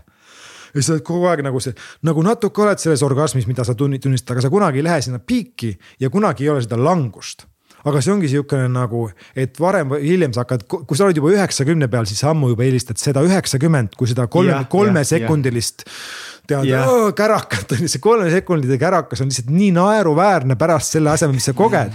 et sa mingi mõtled mida noh, no te, ja no, ma olin nii skeptiline selle osas, aga, aga ükski, üks kõige peamine, mis sa ütlesidki see, et, et sul on alati see valik keegi, see ei ole see, et sul ei sa tule ei kaota seda, sa ei kaota seda. sa ei, you cannot come. ja see võib Ja- tekitada hirmu küll jah. ja, ja siis lõpuks sa saad aru. ei saagi enam nagu. ja, ja ei, see, noh, see ei puutu, sa ei kaota seda. ja sest tegelikult minul on hoopis vastupidi. kui Mihklil, ma ei tea, kuidas Mihklil on, sorry, aga kui nagu ütleme siis tavapärane ongi see mingisugune, ma ei tea, kümme-viisteist minutit vaata, siis mul on liht-, mul on raske orgasmi saada naisega. ise saan, aga naisega koos just, et mul on jälle nagu teistpidi. oota, orgasmi sa räägid seemnepursest? Jaa, just. ja, sest Nagu orgasm ja seemnepurg on täiesti jaa, erinevad jaa, asjad just, just. ärme neid Jaa, ühte jaa. sõnasse pane. aga jah, just, just, et seda. et sul on seemnepurse on see, mida sul ei tule. ehk siis, kui ma Tomile seda kunagi ütlesin mingi aeg tagasi, Tom ütles, et ma olen nagu kõige õnnelikum mees maailmas. aga ma ei saa ise aru sellest või nagu no kuidas aga nagu, see on võib-olla sa ei ole sellepärast, sest sa, sa ei saa orgasmi ka siis seksis. Tõenäoliselt küll jah. et see ei ole see, vaata, et tal ei tule, aga saab Jaa. orgasmi, Jaa. sul nagu, et ei tule Jaa, ja ei saa jaa. no orgasmi. need kaks, kaks, kaks asja on erinevad asjad, sellest peab aru saama ja see ongi Jaa, see, see, miks ma oota, ma aga me nii. ei oska seda orgasmi, meie jaoks ei ole erinev, me ei oska seda erinevalt näha, vaata. Jaa. minu jaoks orgasm võrdubki ejakulatsioon. Ma tean, ma tean, ma tean. seda kogu aeg Jah. niimoodi. et seda, see ongi see, et mi- miks ma nii entusiastlikult sellest nagu see on nii- räägin saad see aru, on saad aru, onju jaa., et tüübid, need on kaks erinevat asja ja sa saad aru, et need, et see ei pea kestma kolm sekundit, onju, see ei pea kestma kolm sekundit, siis ma ütlen, et kas sa tahaksid, et kestaks kolm minutit, jaa, aga onju. et äh, ühesõnaga, see on see, et need on kaks mehhanismi, mis nagu Pavlovi efektiga nagu te Pavlovi efekti teate, et et äh, Pavlov oli see mingi vene teadlane, kes siis nagu kõlistas kellukest ja siis andis koerale süüa, jaa, jaa.. ja, küll, ja siis ta lõpus kõlistas seda kellukest onju, siis koeral ila tilkus effect, onju ja koeral läks nagu nii-öelda kõht tühjaks kellukese peale. aga kellukesel ja söögil ei ole midagi pistmist, onju. Mhm. ja siis samamoodi on siis nagu meie kehas need kaks asja nagu justkui seotud ja miks nad seotud on, kas keegi oskab öelda või? Selle jaoks, et me paljuneksime. no vot ja vana jumal oli nii tark mees, ma ütlen alati, et tahtis teha sihukest nagu head projekti, et ta ei peaks ise asjaga tegelema, siis ta sidus enam. sidus kõige magusama, kõige selle kolm, kolmesekundilise Mhm. piigi on ju, mida mees alati tahab, on ju, see on nagu instinktiivne asi selle ejakulatsiooniga, mis siis viljastab, on ju, ja see on muidugi hädavajalik, sest usu mind, me oleks ammu välja surnud mm.. kui see ei oleks nii, siis me oleks ammu välja surnud, on ju. ja nüüd on küsimus selles, et nagu mitu last sa tahad elus saada, on ju kaks või kolm või üks või on ju. et tegelikult hädavajalik on sul seda pauku panna nagu sellel hetkel ja ja nii nagu vaata, ma rääkisin, see Hiina keiser on ju, ta hoidis oma seemet, see seeme kogus hoogu ja siis, kui ta ühe korra põrutas, see oli kohe rase.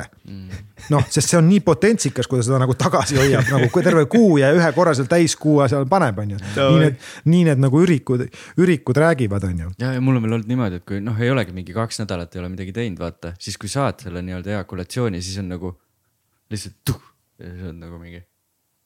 mis just juhtus, nagu midagi ei tundnud, nagu mitte mingisugust eh, erutus, noh, mingit erutuse piiki või mitte midagi, lihtsalt nagu tuš, välja ja kõik. ja siis nagu, et lihtsalt siuksed veidrad nagu, võib-olla üks huvitav asi on veel, te olete kuulnud Coolidge'i efektist mm, -mm. ei ole? sihuke katse tehti nagu eh, võeti mingi meesrott, on ju ja pandi sinna naisrott ja siis see meesrott seal mingi kaks-kolm korda seksis selle naisrotiga on ju ja siis mängis seal surnut ja mingi ei viitsinud enam üldse mingi, mis värk on, on ju. ja siis äh, ühesõnaga ta, ta vist suutis mingi kolm korda ejakuleerida, on ju, ja pärast seda ta üldse ei huvitanud see naine enam. ja siis naine nagu tahtis, pigem otsis lähedust sellele meesrotile, on ju. ja siis nad hakkasid seda naisrotti vahetama, nii kui nad panid sinna uue naisroti, meesrott oli kuradi, pani seal mm., on ju, seda nägu jälle kolm korda oli ära teinud, vajus ära, on ju. ja siis nad said aru, et kui nad nii kaua, kuni nad vahetavad seda naisrotti seal, see meesrott võib lõputult nagu viljastada ja olla äksi täis, on ju.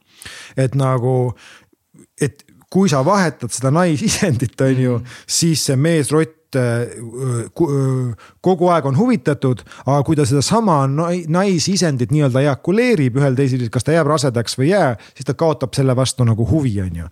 ja selle nimi on siis nagu see Coolidge'i efekt on ju, mis tekitab seda, et miks see rott võib nagu lõputult seksida, kui see naisisend nagu muutub, ta ütleb ta ajule, et praegu on aeg seda teha, this is the moment nagu, nagu no näiteks mingi hunt võib süüa kümme kilogrammi liha nagu, ta pole ammu söönud, ta nüüd murrab selle ühe maha, mis on täiesti ebanormaalne mingis mõttes, aga ta ajus tekitab see Coolidge'i efekt, et this is nagu praegu peab seda tegema või. või kui see samamoodi nagu põder mingi, tal on jooksuaeg, siis see mees põder võib nagu lõputult nagu siis viljastada või nagu seksida, sest nad nagu nii-öelda nagu this is the moment to do this at the moment on ju.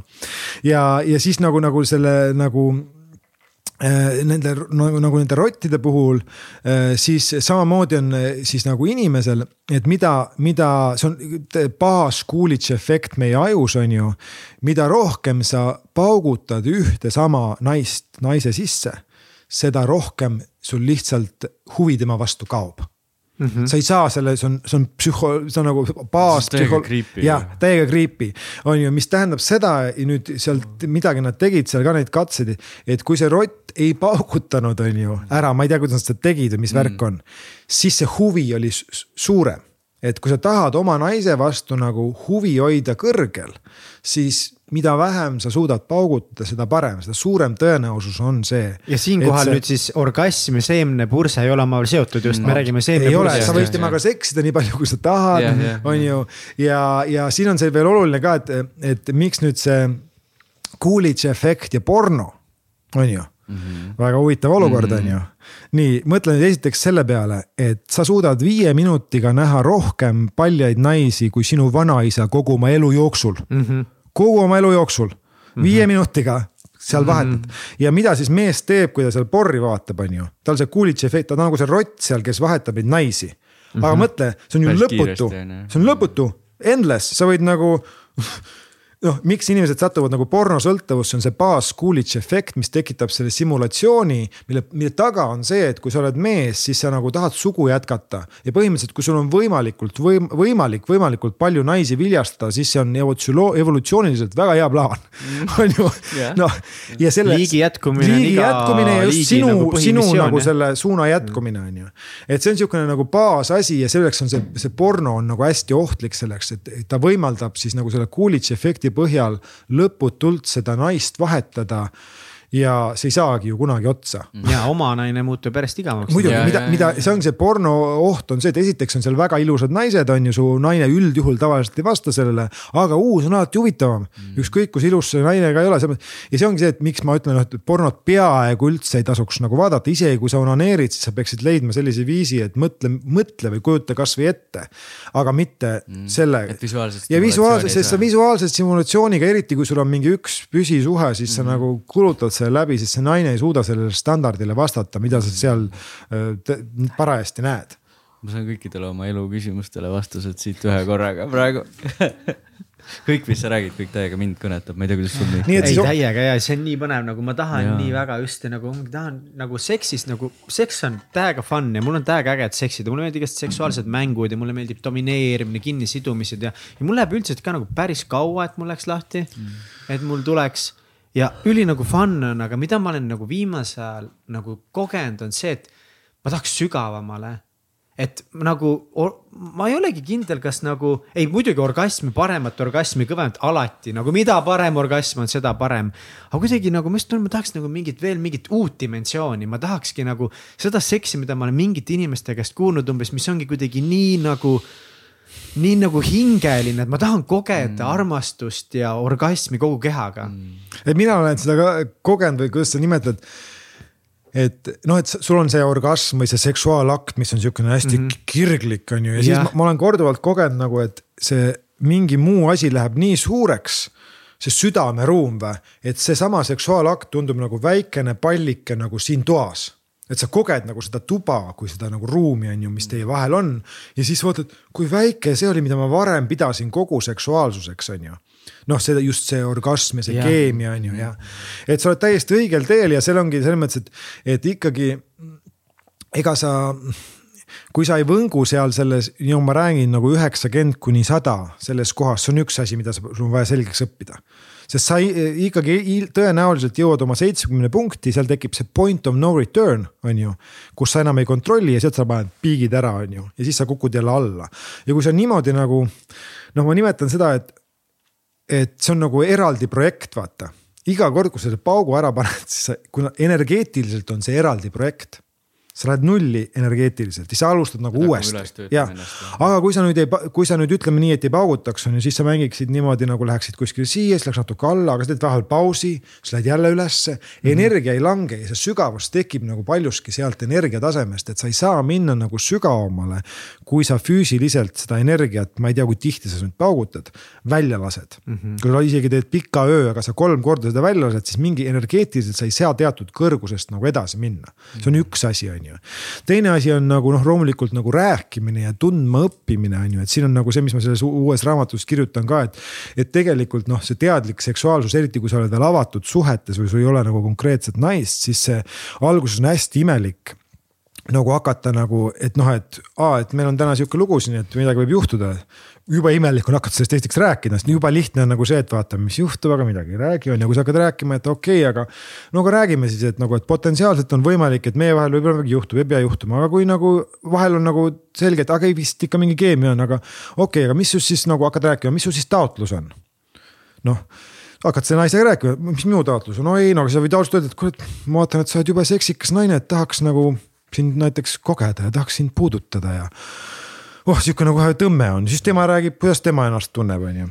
siis ta räägib, aga mis su hirmud on, on ju no ma ei tea, siis sa võid rääkida, ongi vaat niimoodi hakkad, vot lähedus või see, mis sügavus tekib nagu sellest, alguses tundub jube tobe on ju, aga siis hirmud on, siis mõni võib öelda või ma ei tea, noh, mina võiks näiteks öelda, et võib-olla sa oled kuulnud, et ma annan nagu mingi seksuaalse teadlikkuse workshop'i ja sa kindlasti arvad, et ma nüüd mingi neli tundi seksin sinuga ja kuradi viin sind seitsmendasse taevasse, aga võib-olla mul täna ei, ei ole sihukest energiat, et ma tunnen, et mul on mingi pressure, et äkki sul on mingi pilt minust näiteks, et ma olen mingi super, super nagu, inimene, aga ma olen tegelikult täitsa inimene, et see tekitab minus natuke hirmu, on ju, siis naine võib rääkida, et aga ma ei tea, mul tekitab, ma ei tea, hirmu, et äkki mul läheb liiga kaua aega, kuni ma, ma ei tea, kuumaks lähen või äkki, ma ei tea, äkki mm -hmm. mul, noh. ja kui sa niimoodi hakkad asju lahti rääkima, hirmud, taotlused kuni selleni välja, et aga okei okay,, aga.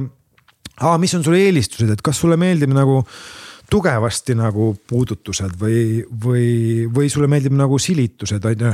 noh, et see on väga oluline mm, -hmm. sest et näiteks mingi baasharjutus, mis on nagu on need neli, neli elemendi puudutust, need on täiesti erinevad. noh, tulepuudutus on siukene nagu oh,, oh, maapuudutus on siukene sügav nagu. jah, sügav on ju ja siis noh, veepuudutus on sihuke õline on ju, võiks öelda nihuke õline ja natuke kiirem ja siis õhupuudutus on siukene vaevupuudutus on ju ja, ja väga oluline on, milline sulle meeldib. noh, on ju, näiteks kui sa teed sihukese harjutuse, teeme täna seda õhu, selle nelja elemendi, sa saad teada, mis sellele naisele ja võib-olla tal on kaks tükki, mis meeldib. On ju. üldjuhul ei ole, et kõik meeldib, alguses ütled küll tee, mis muga tahad, tegelikult ei ole, mulle näiteks väga tihti ei meeldi see väga, väga õrn puudutus, see on mul nagu imelik, on ju. et see on mulle challenge pigem. Mm, -hmm. see viib mind sügavamale, aga on challenge, kui ma tahan öelda, mis mulle meeldib, mulle pigem vist meeldib maapuudutus, sihukene raske, sihukene noh, on ju. ja kui sa nende, selle käigus juba saad ühe naise kohta ja enda kohta teada ja ma arvan, et siin on need kohad, mida sina küsid, on ju, ja see, seesama jutuajamus, mis kõik toimub enne seksi, see on jube imelik teha nagu on ju. aga sa näid ka, aga mis pärast nagu. aga oletame, et me siis nagu seksimegi pärast, aga mis siis homme saab, et mis selle nimetatakse nagu aftercare, mida sa vajad, on ju. no siis ta võib öelda, et no eriti nõme oleks, kui sa mingi üldse ei räägiks minuga pärast mm no noh, et mingi kuradi homme näeme, tuled mulle tänaval vastu, kõnnime, ei seda ma ei tahaks, et ma tahaks, et meie vahel oleks ikkagi mingi soe suhe ja tegelikult oleks tore, et kui sa mulle helistaksid ka nagu noh, küsis, kuidas nagu läheb ja kuidas sul pärast tunne on, et mulle tegelikult meeldiks see, see on nagu aftercare on ju. ja mitte nagu ka see, et nagu pärast, kui me seksiakti lõpetame, vaid mida sa järgmine päev vajaksid. ja no vot, üks asi on see, mis pärast see, see, see, sa peaks rääkima siis nagu, see on nagu erinevad etapid, mul on see kõik mm -hmm. lahti kirjutatud, on ju. Mhm. pärast seksi ka, kui see on see kaisutamise moment, siis tekib ka alati kokkuvõte nagu jällegi, kuidas ma hakkan siin rääkima tobe lugu, on ju. aga tegelikult ka, et no kuidas sa ennast tunned, on ju, kuidas sa emotsionaalselt oled, on ju. mis sulle meeldis, on ju. ja kuna praegu on kõige parem hetk, et sul on kõik värske, et kas sul on midagi, mis sa võib-olla eelistaksid nagu järgmine kord teistmoodi teha. ta võib öelda sulle mingi, et ma tegelikult oleks tahtnud nagu rohkem peal olla, väga oluline asi, mida teada, on ju. noh, on ju, et, et see kommunikatsioon on see teine pool, mis, mis toob ja see kommunikatsioon toob challenge'i, sest seda on kuidagi tobe teha alguses, kui sa pole seda harjutanud, ma räägin. mul ei ole. väga hea. see on üks hea fucking hea asi nice., tehke podcast'i siis teil ei ole enam piinlik rääkida ja just ühe tüdrukuga praegu nagu ma olen rääkinud kõigest. aga see on nagu, see on challenge, sest esimene kord nagu ennast avada, kui ma õppisin ennast avama, rääkima päris tunnetest, mida ma nii kartsin oli küll täpselt, mida sa räägid, et tegelikult see on piinlik ja ma arvan, et see on väga paljudele meestele nagu minule vanasti nii raske mm. nii raske nagu küsida neid ebamugavaid küsimusi, kuigi tegelikult see ei ole nagu, kui sa räägid, see tundub nii normaalne, nii kui sa räägid, see tundub nii loogiline mm. -hmm.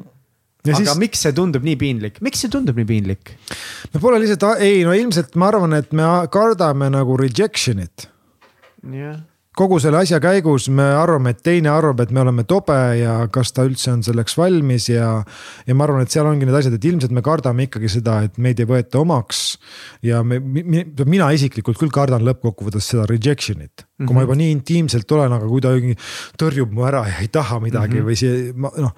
ja ma arvan, et me ei ole ka kommunik-, kommunikatsiooniga lihtsalt harjunud noh, see on see, miks teine asi, miks ma õpetan inimesi laulma, sest ma tean, kui nad laulma õpivad, siis neil läheb see jutt ka lahti. on ju, see on sama keskus, see on Kõri keskus, on ju.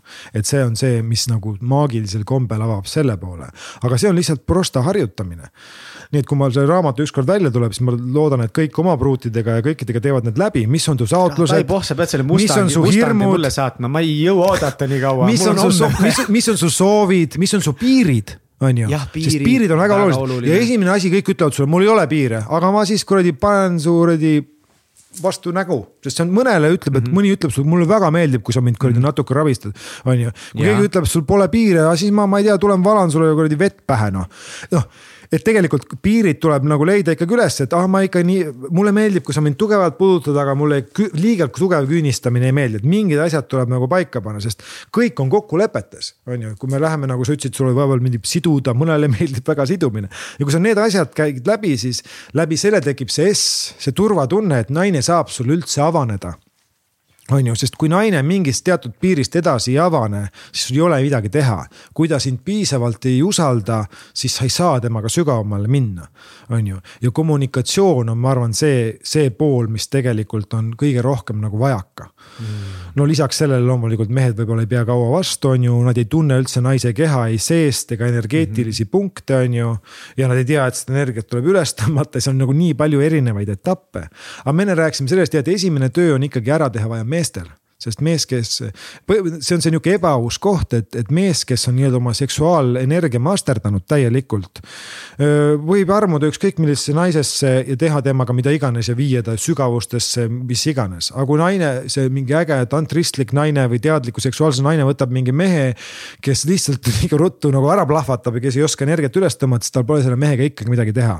ja see mehe protsess võib kesta no kõige kiiremini on mingi mehed siis nagu kahe-kolme nädalaga jõudnud mingite nähtavate nähtavate tulemusteni, kus nad ütlevad, kuule, ma saan aru, mis sa räägid, on ju. aga see võib kesta kuni pool aastat ja seal on kindlasti mingeid frustratsiooni hetki kus sul tekibki see, et sa ei, ei tee piisavalt neid harjutusi, ei tõmba energiat üles, sa oled mingi kiimane.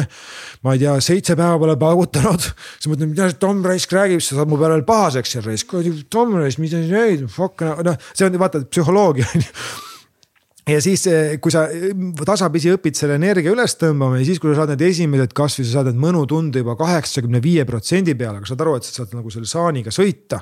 see ei ole kolm kuni viis sekundit, et sa sõidad sellega, aga siis sa võtad maha näiteks, räägid juttu, siis lähed, sõidad jälle saaniga, see lõpuks on nagu noh see nagu mägi, kus sa üles ronid või mis mäestikega sa nagu koos ratsutad, nimetame mingi see, et siis see teadlik seksuaalsuse akt on sihukene nagu lõppematu koos ratsutamine ja koos ratsutamine, vaata, kui ma räägin, see mäkke ronimine ja pauk on nagu üks projekt samasse mäkke, aga ma räägin selle ka veel ära sulle, et ähm, kahjuks mehe see kolme kuni viie sekundi orgasm, kuigi sa võid rääkida, et sul noh, vahel on mingi erand ja vahel on mingi tugev, see on ikkagi sama orgasm.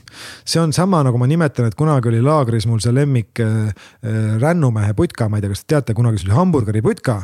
ja ma mäletan, ma arvan, ma käisin seal kaheksa aastaselt hamburgeri söömas, siis ma käisin seal kümneaastaselt, neljateistaastaselt hamburgeri söömas, siis ma käisin seal kahekümne viieselt, kui ma taimetoitlane olin ja panin muna vahele. see hamburger oli kogu aeg sama maitsega.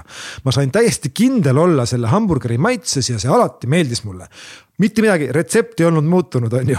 ja niimoodi see mees nagu üldjuhul tavaline mees saab seda kolme kuni viie sekundilist orgasmi täpselt samasugust, ta saab yeah. selles justkui kindel olla, see on seesama hamburger, on ju. aga kui sa tahad, et su seksuaalsus expandiks, muutuks, tead, mina küll tahaks süüa kogu aeg mingit uut asja.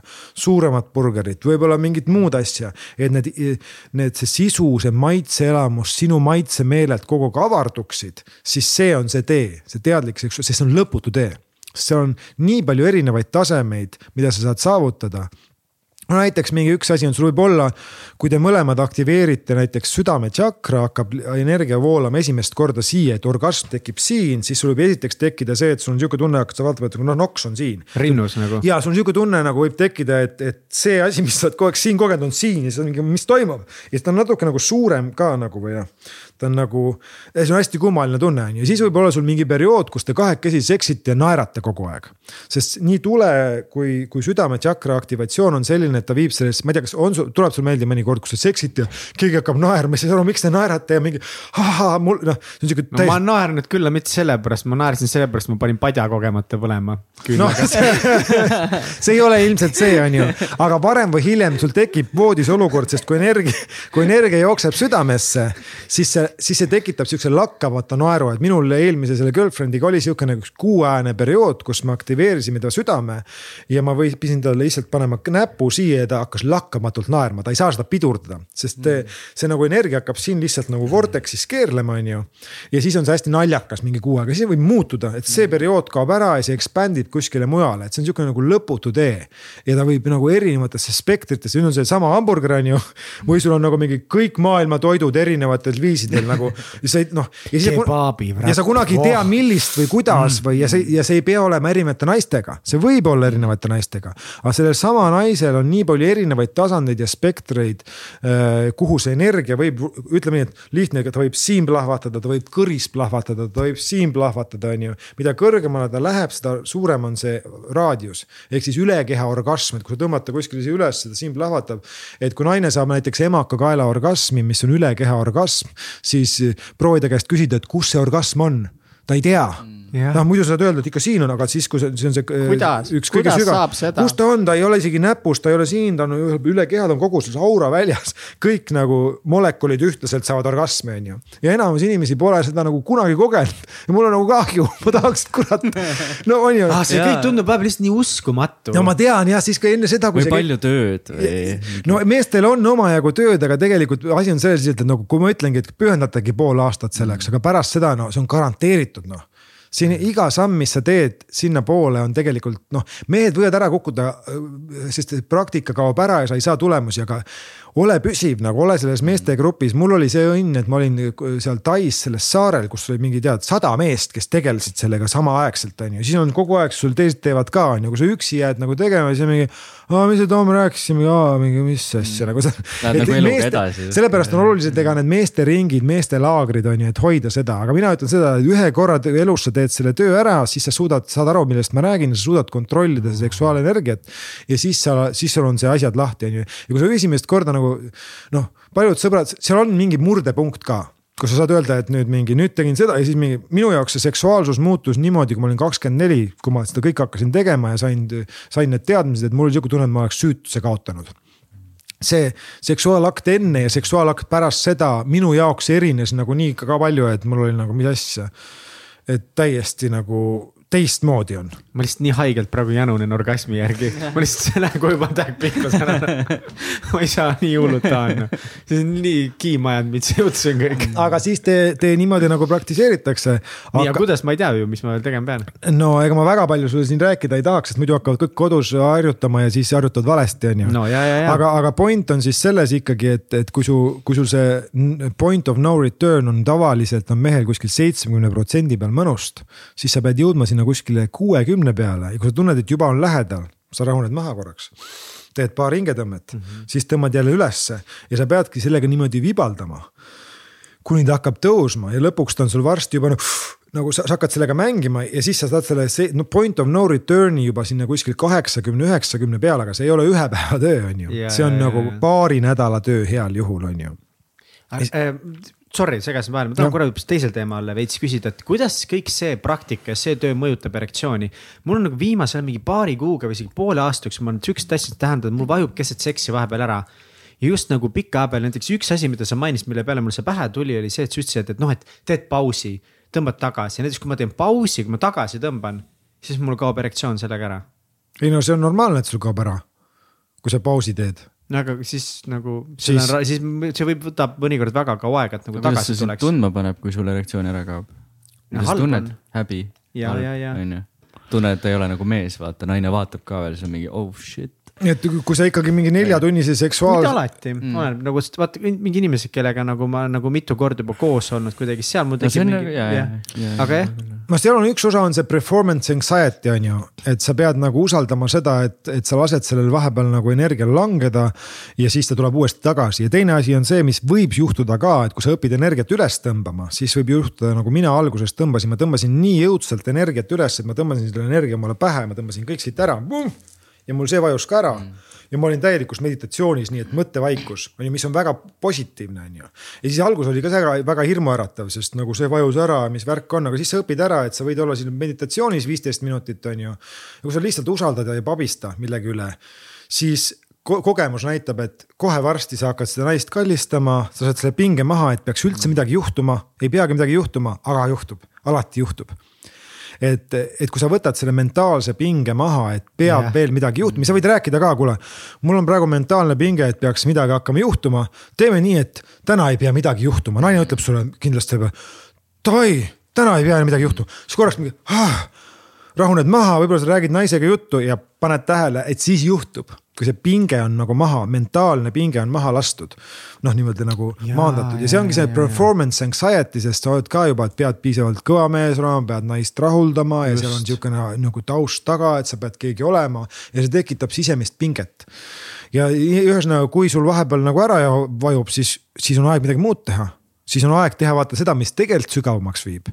rääkida näiteks mm., noh, kas neid punkte või kuidas keegi ennast tunneb või, sest see on tegelikult sama oluline osa. suhtlemine, rääkimine on teki-, tekitab tegelikult üks asi, mis tekitab usaldust, on sinu meesenergia võib-olla, mis tekitab energeetilist usaldust, aga teise usalduse tekitab ikkagi jutt, suhtlemine ja see on see, kus sa tahad ju naist viia, et ta täielikult sulle alistuks sina oled siukene tead kangelane, kes seda hoiab, on ju. ja see loomulikult võib vastupidi ka pöörata, see on väga huvitav.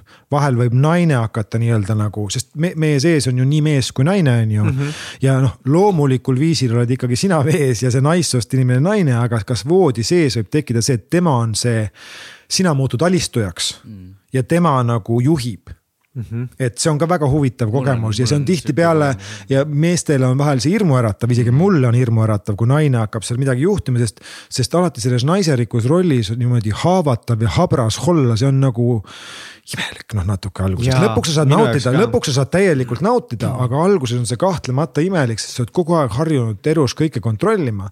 aga see on koht, kuhu tuleb varem või hiljem minna me, me meestena sellest ei pääse, sest sa ei saa olla rohkem mees, kui sa oled olnud naine selles mõttes ma, ma nimetan seda, et see on nagu kumm, vaata. nagu mis venib nagu mõlemale poole nagu võrdselt ja kui sa tahad olla tegelikult rohkem mees, siis sul peab olema rohkem äh, neid hetki, kus sa täiesti sügavalt, ma ei tea, alistud, nutad, oled haavatav, oled habras. Need hetked ei pea olema pikad. On ju, selleks, et sa saaksid olla nagu enamjaolt nagu härg, on ju.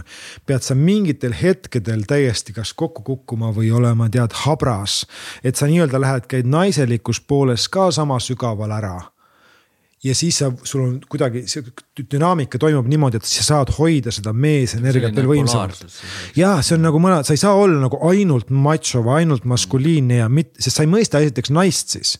kui sa pole seal hapruses käinud, sest tema on ju sinu vastas seal teisel pool on ju, ja mida rohkem sa naist mõistad, seda rohkem naine sind ka usaldab. nii et need, need hetked, kus sul on võimalik, ma ei tea, seksi ajal nutma hakata. kui see tõesti juhtub, ära hoia seda tagasi, sest see on see sinu sukeldumine naiselikku energiasse. ja, ja see on ja kahtlemata see alguses tundub imelik mm. -hmm. on ju, sa oled siis nõrk ja mis mees sa üldse oled, aga see on, see tähendab seda, et sinu sisemine naine aktiveerus lihtsalt ja see on hästi hädavajalik aeg-ajalt. üks jätkuküsimus siia veel sellele teemale, et, et mis sa arvad, kuidas on nagu, ma ei tea, kas õigem on võib-olla pahasti öeldud, aga kuidas sinu jaoks on õige, mida, millele, mille peale sa mõtled seksi ajal, kas või, või kelle peale, kas enda või, või kaaslase peale? Või, või on see mõlemad korraga, et kuidas see nagu dünaamika sinu jaoks toimib? no et, et ma mõtlen nüüd, et no nüüd ma pean hoidma seda energiat. Sa keskendud nagu ainult endale või? ei ole loogiline, aga kui sa keskendud ainult naisele, ka ei ole loogiline, sellepärast et siis nagu noh, minul on see, et mina tavaliselt keskendun naisele, vaata. et, et siis ma jätan nagu ennast tahaplaanile ja siis noh, mul ei olegi, minu jaoks ei olegi see võib-olla nii nauditav kogemus, aga kuidas sina seda näed? no eks ma üldjuhul olen keskendunud ka naisele, aga praegu ma märkan ka, et kui ma vaatan tagasi, sa keskendud justkui nagu kohalolule. Sa keskendud Sellele nagu sellele, mis parajasti toimub, välja arvatud siis, kui mul on mingi hetk, ma tunnen näiteks, et see õhupall hakkab plahvatama ja ma pean tegema midagi selle energia liigutamiseks. aga ma olen sellises kohas juba, kus seda juhtub väga harva, et ma pean, sest see energia, kuna ma olen nii palju neid harjutusi teinud, siis ma ütlen, et toru on nii-öelda ülespoole lahti, et ta jookseb mul lihtsalt nagu ülesse aga see ongi nagu pigem oled sa nagu põnevil nagu, et mis nüüd juhtub, sest iga hetk ju kõik muutub, iga hetk on mingi uus pilk, iga hetk on mingi energia, et see kohalolu ei olegi nagu ühele või teisele keskendunud, on ju. kuigi need on ka valikud, et sa võid ka keskenduda naisele, sa võid keskenduda enda protsessile, aga ma olen pigem pannud tähele, et see on nagu sihukene nagu olemine või? Mingi olemine ja mina isiklikult tunnen siis seda, et, et mul on nagu mingi, ma olen nagu flow's või see on nagu ma olen nagu näiteks kontserdil ja laulan ja ma ei tea, mis järgmine laul on, aga see tuleb loomulikult ja siis ma laulan seda ja siis ma improviseerin, vaata, ma nimetan, noh kontserdi ajal näiteks tekib sihuke asi. ja siis voodis mul tekib samasugune olek, kui ma olen täiesti kohal, kus ma nagu teen mingeid asju, puudutan naise kehal mingeid punkte ja ega ma ei tea, mis ma teen noh, mul ei, ma ei ole seda, kuigi mul on isegi seda saab lahti ka kirjutada, on ju, aga see üllatab mind ennast ka, et ma vahepeal liigutan teda mingil teatud viisil ja siis see plahvatab mingit, muudab mingit energiat või tekitab temas mingi orgasmi, et ma panen tähele, et ma satun mingisse flow'sse mm. -hmm mis on nagu, nagu ma olen in the zone on ju ja siis see kõik on nagu täielik kohalolu, täielik hetkesolu ja mõtted kaovad ära, seal ei ole nagu järgmist plaani oo, et ma järgmisena nüüd teen seda selleks, et see juhtuks, vaid ma olen lihtsalt nagu, nagu kohal ja siis ongi see kõik, kas, kas siis võimendub või mingi hetk mul tekib see, et läheb meditatsiooniks, et see on kõik niisugune nagu, nagu lõputu ajatu mäng. aga kui sa seal kaheksakümne, üheksakümne vahel oled, on ju, siis, siis on see kohalolu nagu lihtsam või? või, või et jah, et, et miks peaks nagu, miks peaks olema selles kaheksakümne, üheksakümne piiri peal? ei no see kaheksakümne üheksa, lõppude lõpuks on see, et tegelikult ma räägin nagu ühes skaalas, lõpus on see, et see skaala kaob sul ära mina olen võib-olla sihukeses kohas, kus muidu alguses sa mõtled sellega, et sul on see punt, kus sa mingi plahvatad, aga mingi hetk nad nagu mingi. Need su orgasmid on ju seda, seda joont, kus see plahvatus üldse toimuks, seda nagu ei olegi enam, see nagu kaob sealt selle nagu noh, skaala pealt ära, et sa nagu lendad kuskil mingis käskluse, kui sa tahad, on ju. ja, aga alguses tuleb kindlasti mängida just sellega, et sul on see kindel koht, kus see on, aga yeah. võib-olla siis nagu näidiseks veel see ka, et kui sa mängid oma selle joonega siin on ju, noh, et lähed lähemale mõnule, siis on veel mõnusam, siis kummalisel kombel see joon tõuseb nii et sa võid avastada seda, et, et sa oled nagu kuu aja pärast nagu siin mässad mingis kohas, kus sa ei olegi veel selle ejakulatsiooni lähedal, aga sa oled juba energeetiliselt kaks korda kõrgemal, kui see vana sinu pauk oli, sest sa oled seda nagu joont nagu lükanud ülespoole, et see tunne, mis sa kõik tunned ja energeetiliselt ja pea suriseb, on nii palju nagu amplifitseeritud ja nagu võimsam, sest sa oled sellega mänginud ja iga kord see tõuseb ülespoole. Sa küsisid ka midagi, ma ja, et noh, et see on suht sarnane siis nagu sellele, et, et elus ka, et sul ei pea olema seda nagu äh, lõpp-punkti kogu aeg, on ju. Vaid et sa naudid seda nagu teekonda, aga see teekond muutub järjest nauditavamaks, mida rohkem sa selles kohalolus seal oled. Jah, ja see on ka- sarnane sihuke nagu. see on ka üks baas nüüd erinevus tavaseksil ja teadlikul seksuaalsusel tavaseksil on alati eesmärk just, ja tavaseksi üldjuhul eesmärk on mehepauk ja siis targemal mehel on see, et naine saaks ka. ja, ja, ja see on põhivärk ja no see on nüüd see või no väga vähesed ikkagi nagu teevad seksi sellel põhjusel, et last saada, on ju. et meie seksi eesmärk ikkagi tavaseksi puhul on see orgasm, on ju, aga võib-olla siis võtame korra läbi, et mis on näiteks. kui me võtame näiteks äh, India siis nagu tantristlikud seksuaalõpetused, mis eesmärk või mis on seksuaalakti eesmärk või seksuaalsuse eesmärk? noh, ja ma arvan, et no- võib-olla energia ongi mingisugust. ma ei tegelikult, tegelikult. no kui me võtame, võtame kogu seda koolkonda, mis on tegelikult joogaga seotud, inimesed teevad terve elu praktikaid, on ju, siis selle tagasihoidlik eesmärk on lihtsalt valgustumine. noh, see, et sa kahekesi lähed nagu nii puhtaks, et sa ühel hetkel plahvatad nagu kõige kõ- teadlikkuseks ja seda nii-öelda seda valgustumismomenti, et mina, mina olen seda nii-öelda naistes näinud, kui naine niimoodi sul käte vahel nagu ära kaob või ära alistub. see on nagu ta oleks mingit ajavaskat joonud põhimõtteliselt noh, sest ta nagu ta, ta, ta nagu nii-öelda hõljub selles naiselikus nagu ookeanis, mingis orgasmi ookeanis ja nagu kaob ära, on ju. aga, aga jah, nii-öelda India seksuaalõpetused kasutavad seda, et lõppeesmärk on ikkagi see, et sa nagu läbi nende protsesside puhastad ennast, tõstad oma kundaliini energiat ja lõpuks ikkagi võiksid ära valgustuda, noh, mis iganes see valgustumine nüüd tähendab, on ju. aga võtame nüüd taoistliku suuna, olete kuulnud Mantak Chia'st? Nope.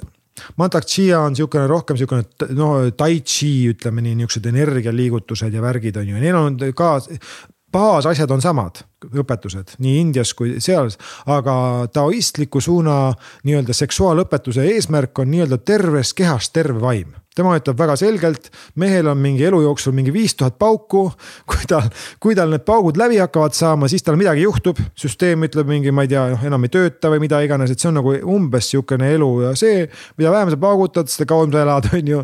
ja mida rohkem sa energiat nagu üles tõmbad, selle, sellega noh, tasakaalukamalt seda teed, on ju, tema muidugi ütleb, tal on omad režiimid, seal. Mingi kahekümnendates võid nagu mingi üle päeva paugutada, kolmekümnendates mingi korra nädalas, neljakümnendates mingi korra kahe nädala jooksul, tal on mingid omad nagu siuksed nagu süsteemid, et kuidas see nagu tervislikult oleks. ja tema ütleb, et see on väga loogiline, et kuna me kaotame sellega energiat, on ju, siis selle seksuaaltegevuste, kuna see on baasenergia, see on põhienergia, mis rohkem energiat ei olegi, kus energia see on, kogu energia on seksuaalenergia, siis nende praktikate tulemus on nüüd siis see, et sa oled terve vitaalne ja elad kaua ja hästi, on ju.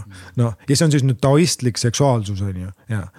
ja siis jah, siin kõrval nüüd on siis see mingi meie seks on ju, mis on see eesmärk on see sinu kolm kuni viis sekundit mingi bla-bla-bla ja siis mingi, mis.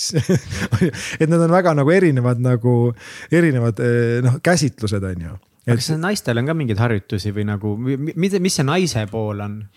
või on seal üldse midagi? ei no ikka on selles mõttes, et see, see esiteks no naised võtavad kogu seda teemat nagu natukene kergemalt või see tundub nagu see jutt kõik, mis ma räägin, tundub meile kordades loogilisem, on ju.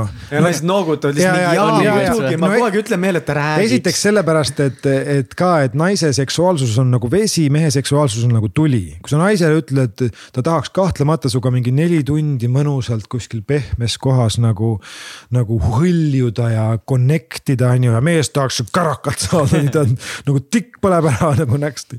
nii et, nii et see, mis ma siin räägin ju igal juhul pikendab seksuaalakti, tekitab rohkem lähedust, tekitab rohkem kommunikatsiooni, tekitab rohkem. no juba räägib sellest, et naised, naised võivad saada kas üheksa kuni mõnede liigituste järgi kuni kaksteist täiesti erinevat liiki orgasmi, on ju. see kõik tundub väga loogiline, igal naisele, naine ütleb muidugi ma selle ühe mingi lühikese piigi asemel valiks parem nagu natukene väiksema piigi, aga mis on hõljuv, on ju. nii et naistel on siin nagu, neil on kindlasti harjutusi, sest no esiteks nad peavad ennast tundma õppima, naised ei tea nagu, mis nende sees toimub, mis, sest neil on väga palju erinevaid punkte seal sees. ja ütleme nii, et naiste pool on just see, et üldjuhul on äh, nii-öelda see nagu tupe siseseinad on tasakaalust ära, mõned kohad on liiga tundlikud ja teised kohad on liiga tuimad. tegelikult võiks olla kõik ühtlaselt tundlik. Ei oleks ühtegi kohta, mis on väga valus ja väga mingi vau-vau, ei ole ühtegi kohta, kus ma katsun mingi, ta ütleb mingi, mis teed nagu noh, on ju -hmm. nii et eh, kas traumade tõttu tõttu, mingite asjade tõttu on siis nagu äh, naise see sisemine balanss nagu ära, et katsud ühest kohast, ei tunne mitte midagi, katsud siit, mis siin toimub, ära seda puutu nagu on ju. nii et see, selle protsessi nimi on siis nagu de-armoring, mida naine saab endale ise teha, kus ta siis nagu nii-öelda elustab ja tasakaalustab ennast nagu seestpoolt ja õpib ennast tundma, sest kui, kui tal ikkagi mingist kohast on näiteks väga valus, siis kuidas ta saab selle kohaga orgasmi saada, kui ta kedagi sinna ligi ei lase on ju. et naistel on siuksed, noh, ma ütleksin, need esimesed praktikad on see, et naiste see iseenda sisemaailma avastamine ja kõige parem on seda teha pigem kas siis mingi, kas terapeudiga koos või mõne naisega koos, kes seda tunneb, on ju. sest noh, seal on tõesti nii palju erinevaid alasid, mis teevad erinevaid asju, et, et see oleks nagu naisel, mis, kuidas ta alustab ja mehel on see põhiline alustamine see, et ta peaks õppima selgeks need harjutused. esimene harjutus siis energeetilised hingamisharjutused, kuidas sa energiat üles tõmbad, teiseks sa ei saa ilma enda keegellihaste, sisemiste lihaste harjutusteta. Sa pead nagu, nüüd on see lihas, kui sa, ma ei tea, sa peaksid suutma ikka ringi käia nii, et sa paned omale rätiku sinna noksi otsa ja käid mööda tuba ringi nagu ja siis teed veel niimoodi selle noksiga, nii et see rätik tead noh, liigub. See, nagu siis... see on see lihas, mida sa kasutad selleks vahepeal, kui sa, kui sa lähed liiga lähedale, on ju, siis sa nagu pigistad selle lihase kinni tõmbad energiat üles, saad siit õhupallist nii-öelda seda õhku ülesse. ja see kestab mingi kolm sekundit, kui sul see lihas on tugev, on ju. ja sellesama lihasega on sul teist, seal on üks teine tehnika, on sul võimalik neid multiorgasme välja äh, nii-öelda esile kutsuda et see on nagu naljakas, ühest küljest on seesama lihas see, mis õigel hetkel pidurdab ja teisest küljest, kui sa leiad selle tasakaalu momendi ja kui sa seda lihast niimoodi järjest pingutad, sa tekitad omale selle multi, ilma ejakulatsioonita multiorgasmi. Need on kaks nagu erinevat, erinevat tehnikat, nii et see on see lihas, mida peab siis kindlasti praktiseerima. Ja ilma selleta ei saa ja siis ilmselt ei saa ka ilma selleta, ilma selle onaneerimiseta, sest äh, äh, naisega koos voodis olemine on liiga erutav mehele, et ta saaks aru, kus tal see seitsekümmend protsenti on, ta peab algust väga selgelt hakkama tundma, kus on see point of no return. ja võimalik on seda koos naisega teha, aga keeruline, sest kui sa oled telega koos, siis tema energiat teevad mingeid oma asju, võivad plahvatada, eriti kui naine saab su peal orgasmi veel, siis ta trigerdab sind ka, sest sinu õhupall teeb kohe sedasama, on ju.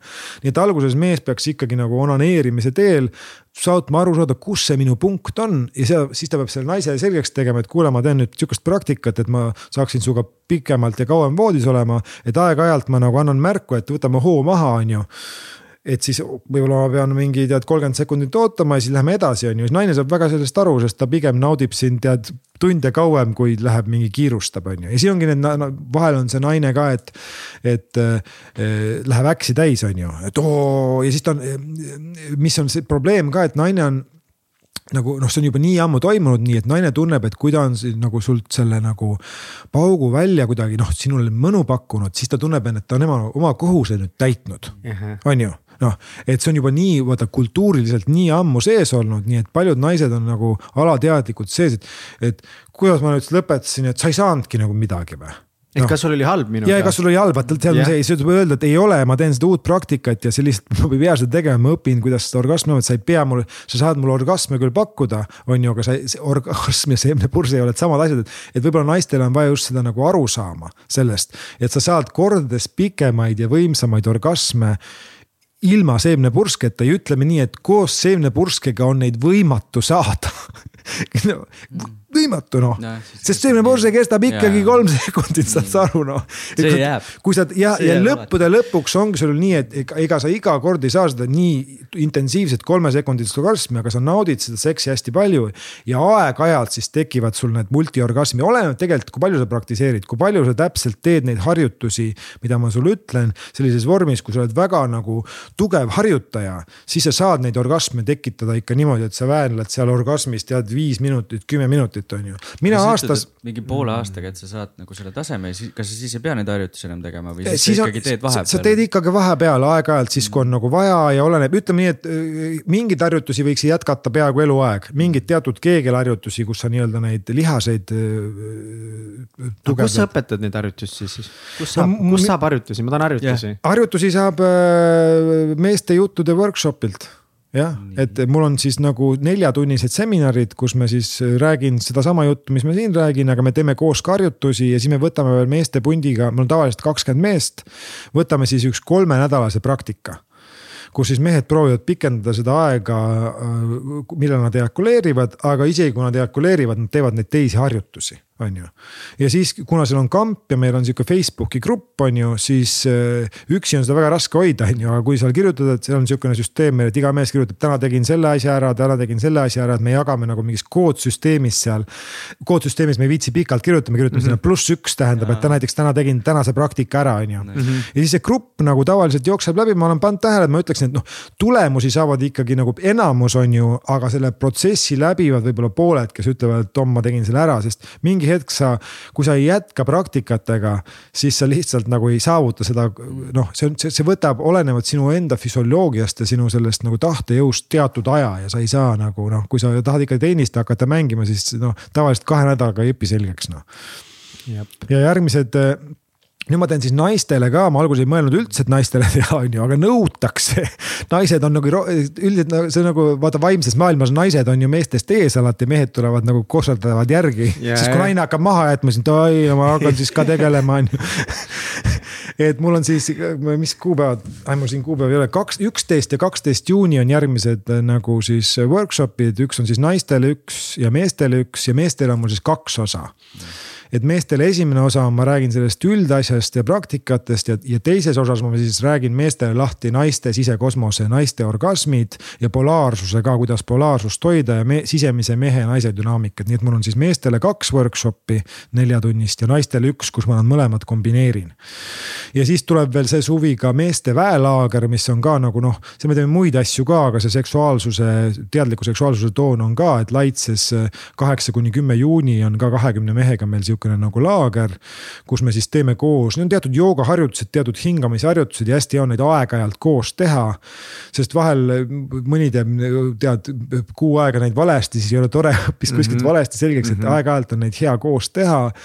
ja, ja ma, ja mulle tundub, et nagu, et no kui ma olen nüüd seda human design'i õppinud, on ju, ja ma tunnen väga selgelt, mul on see generaatori energia, et kui ma tunnen, et nagu energia kutsub, siis ma teen, on ju, nii kui energia ära kaob, siis ma ei tee noh mm.. et ma ei tee midagi nagu mõtte najal ja niikaua kui ma hakkan sellest asjast nagu rääkima, siis mul kohe tunned, on ju nagu see, see energia ja, ja, nagu tuleb ja siis. sa räägid väga kirglikult. ja ma saan sellest aru ka, et, et, et see on sellepärast ilmselt, et ma olen nagu noh, neliteist aastat sellega tegelenud ja mulle meeldib teha ainult neid asju, mida mina saan ainult teha et ma ütlen, et ma tunnen, et mul on keelatud teha neid asju, mida keegi teine saaks minu eest ära teha noh, et ma võtaks oma, kui keda, kui keegi teine teeks seda paremini kui mina või rohkem või siis tehku, on ju.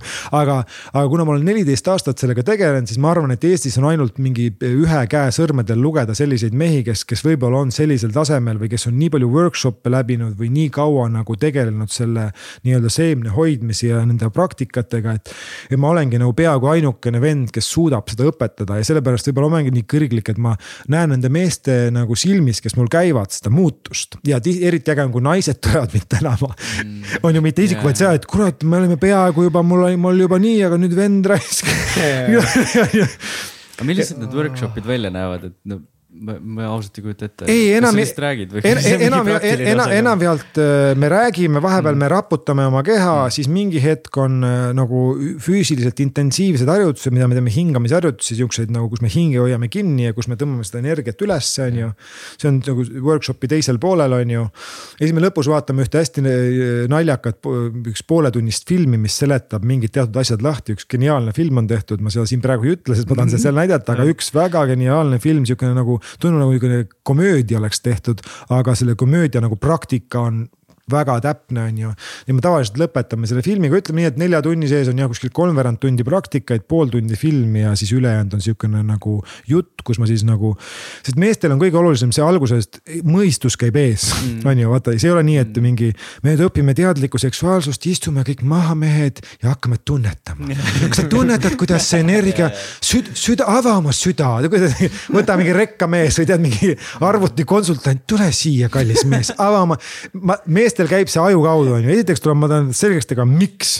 miks yeah. sa, miks sa peaksid üldse kuulama mind, miks, miks mm. see vajalik on ja mis see tulemus on, siis kui nad saavad aru, et kuule, et tulemus on see, et ma mingi olen, püsin voodis nii kaua kui tahan.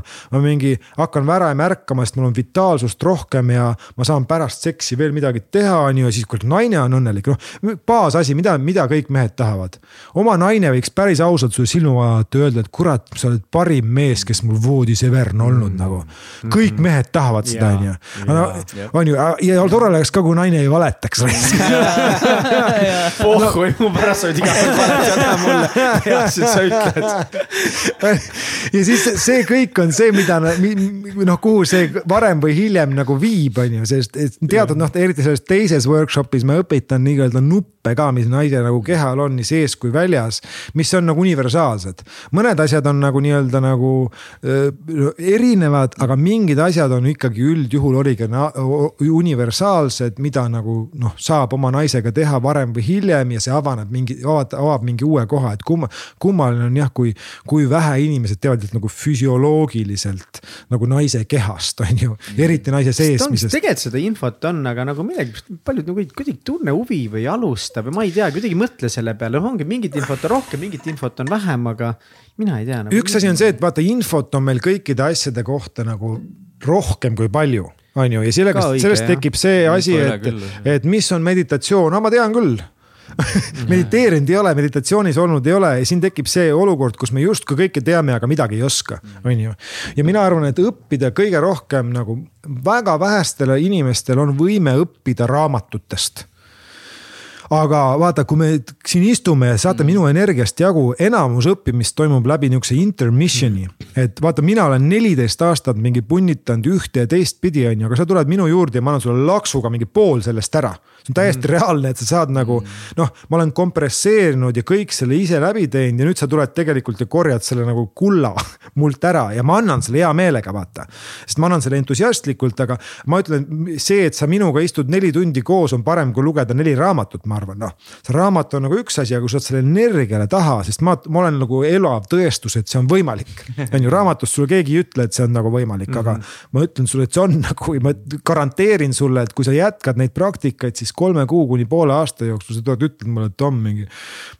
ma saan aru, et tõenäoliselt sa tuled kolme nädala pärast mulle rääkima seda juttu ja eriti siis, kui sa nagu teed neid praktikaid ja küsid naiselt vastukaja siis sealt vahel ise veel ei saagi aru, et on midagi muutunud, sest seal võib tekkida sihukene gap, kus su sinu orgasm veel ei tõuse, on ju sinu mõnu level veel ei tõuse, aga naine, naine expand ib juba ära ja saab aru, et sa oled osavam, et see on see üks koht, kus, kus see saab juhtuda. aga mis sa arvad, kui tihti üldse peaks äh, nii-öelda vahekorras olema või mis on nagu okei okay,, et mingi, mingi noh, ma ei tea, et sa võid ju sinu jutu järgi sa võiksid nagu terve päev otsa ja homme, homme jälle, et noh et.... nii palju, kui aega on selles mõttes, et siis jääbki nagu see, et kuna sa oled nagu täiesti vaba selles, siis, siis ongi nagu reaalne, et sa peaks ikka vaatama, ma arvan, et kuus tundi magamist on nagu oluline.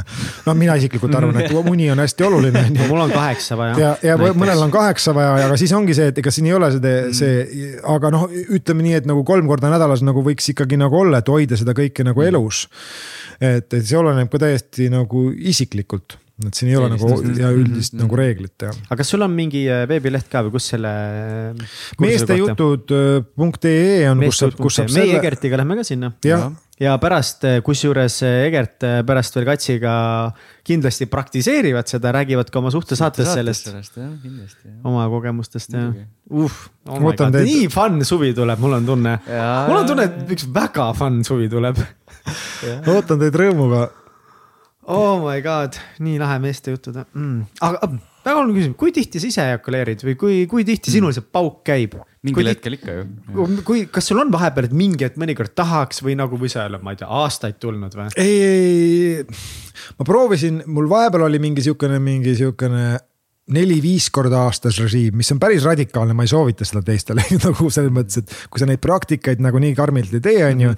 siis viima-, viimases suhtes oli mul väga selgelt nagu korra kuus nagu rituaal ja ütleme nii, et võis juhtuda, et seda mingitel hetkedel läks täiega lappama ja kaks korda kuus no,. siis, siis, siis, siis, siis see oli nagu, see läks ikka väga lappama nagu on ju. et, et minu isiklik sihukene režiim on, aga ma tunnen nagu kuidagi minu jaoks on see ejakuleerimine ja see asi nagu nii eh, nagu intiimne nagu just see, sest ma annan nagu oma energiat või nagu see on niisugune tohutu energiavahetus, et ma tunnen, et kui mul on nagu väga sügav suhe tekkinud, siis ma tahan nagu jõuan sinna, kus ma tahan seda üldse teha.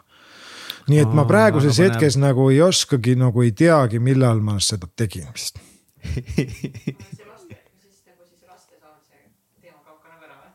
laste saamist, aa, no selles mõttes, et esiteks tuleb aru saada sellest, et mm, seemnevedelikus on kolm asja, seal on seeme seal on seemnevedelik ja seal on eelseemnevedelik, on ju. tegelikult on kolm asja sellest asjast, mis sealt välja tuleb, on ju. ja, ja siis jah, kui sa oled nagu täielikult selle nagu seemnepurske nagu masterdanud, siis sa tõmbad lihasega seal ühe asja kinni või ühesõnaga see üks koht ei trigerdu ja sihukest nagu vedelat, liimijat, libestit, mis on see eelseemne vedelik, võib tulla, aga see tuleb hoopis eesnäärme juurest, see tuleb hoopis teisest kohast, on ju. nii et põhimõtteliselt jah, et kui ma nagu sellist praktikat teen, no ma ütlen ausalt, et äh, ma olen olnud siis ühes suhtes seitse aastat, teises suhtes kolm aastat ja ei ole kordagi kondoomi kasutanud ja keegi pole kordagi rasedaks jäänud. nii et järelikult äh, see minu tehnika, mida iganes ma teen, töötab. Don't try at home aga põhimõtteliselt jah, et, et sa äh, jõuadki sinna, et noh, et ma ei tea, et püsisuhtes kondoomi kasutada, selle tehnikaga sa jõuad mm -hmm. sinna, et ja see on te, teine intiimsuse tase kondoomiga ja ilma kondoomita on ikkagi vahe. mega so suur vahe, mis on nagu, sest kondoom on ülivajalik ja eriti kui inimesed, kes ei ole suhtes ja seksivad, väga tore. aga tere ilma kondoomita on nagu parem lihtsalt. ma olen täiega nõus. ei noh, kõik on mina nõus. mina olen väga vähe kondoomiga seksinud ainult siis, kui on tõesti nagu see, et, et on mingi olnud üheöösuhe või midagi sellist mm. -hmm. aga suhtes ma ei, vist ei olegi kunagi jah, vist ei olegi kunagi suhtes seksinud kondoomiga. no väga palju õnne, aga teie kõik seal palun jätkake nagu, me ei taha sellega, noh. sellega, sellega riskida ei kindlalt jah. igalühel oma kogemus.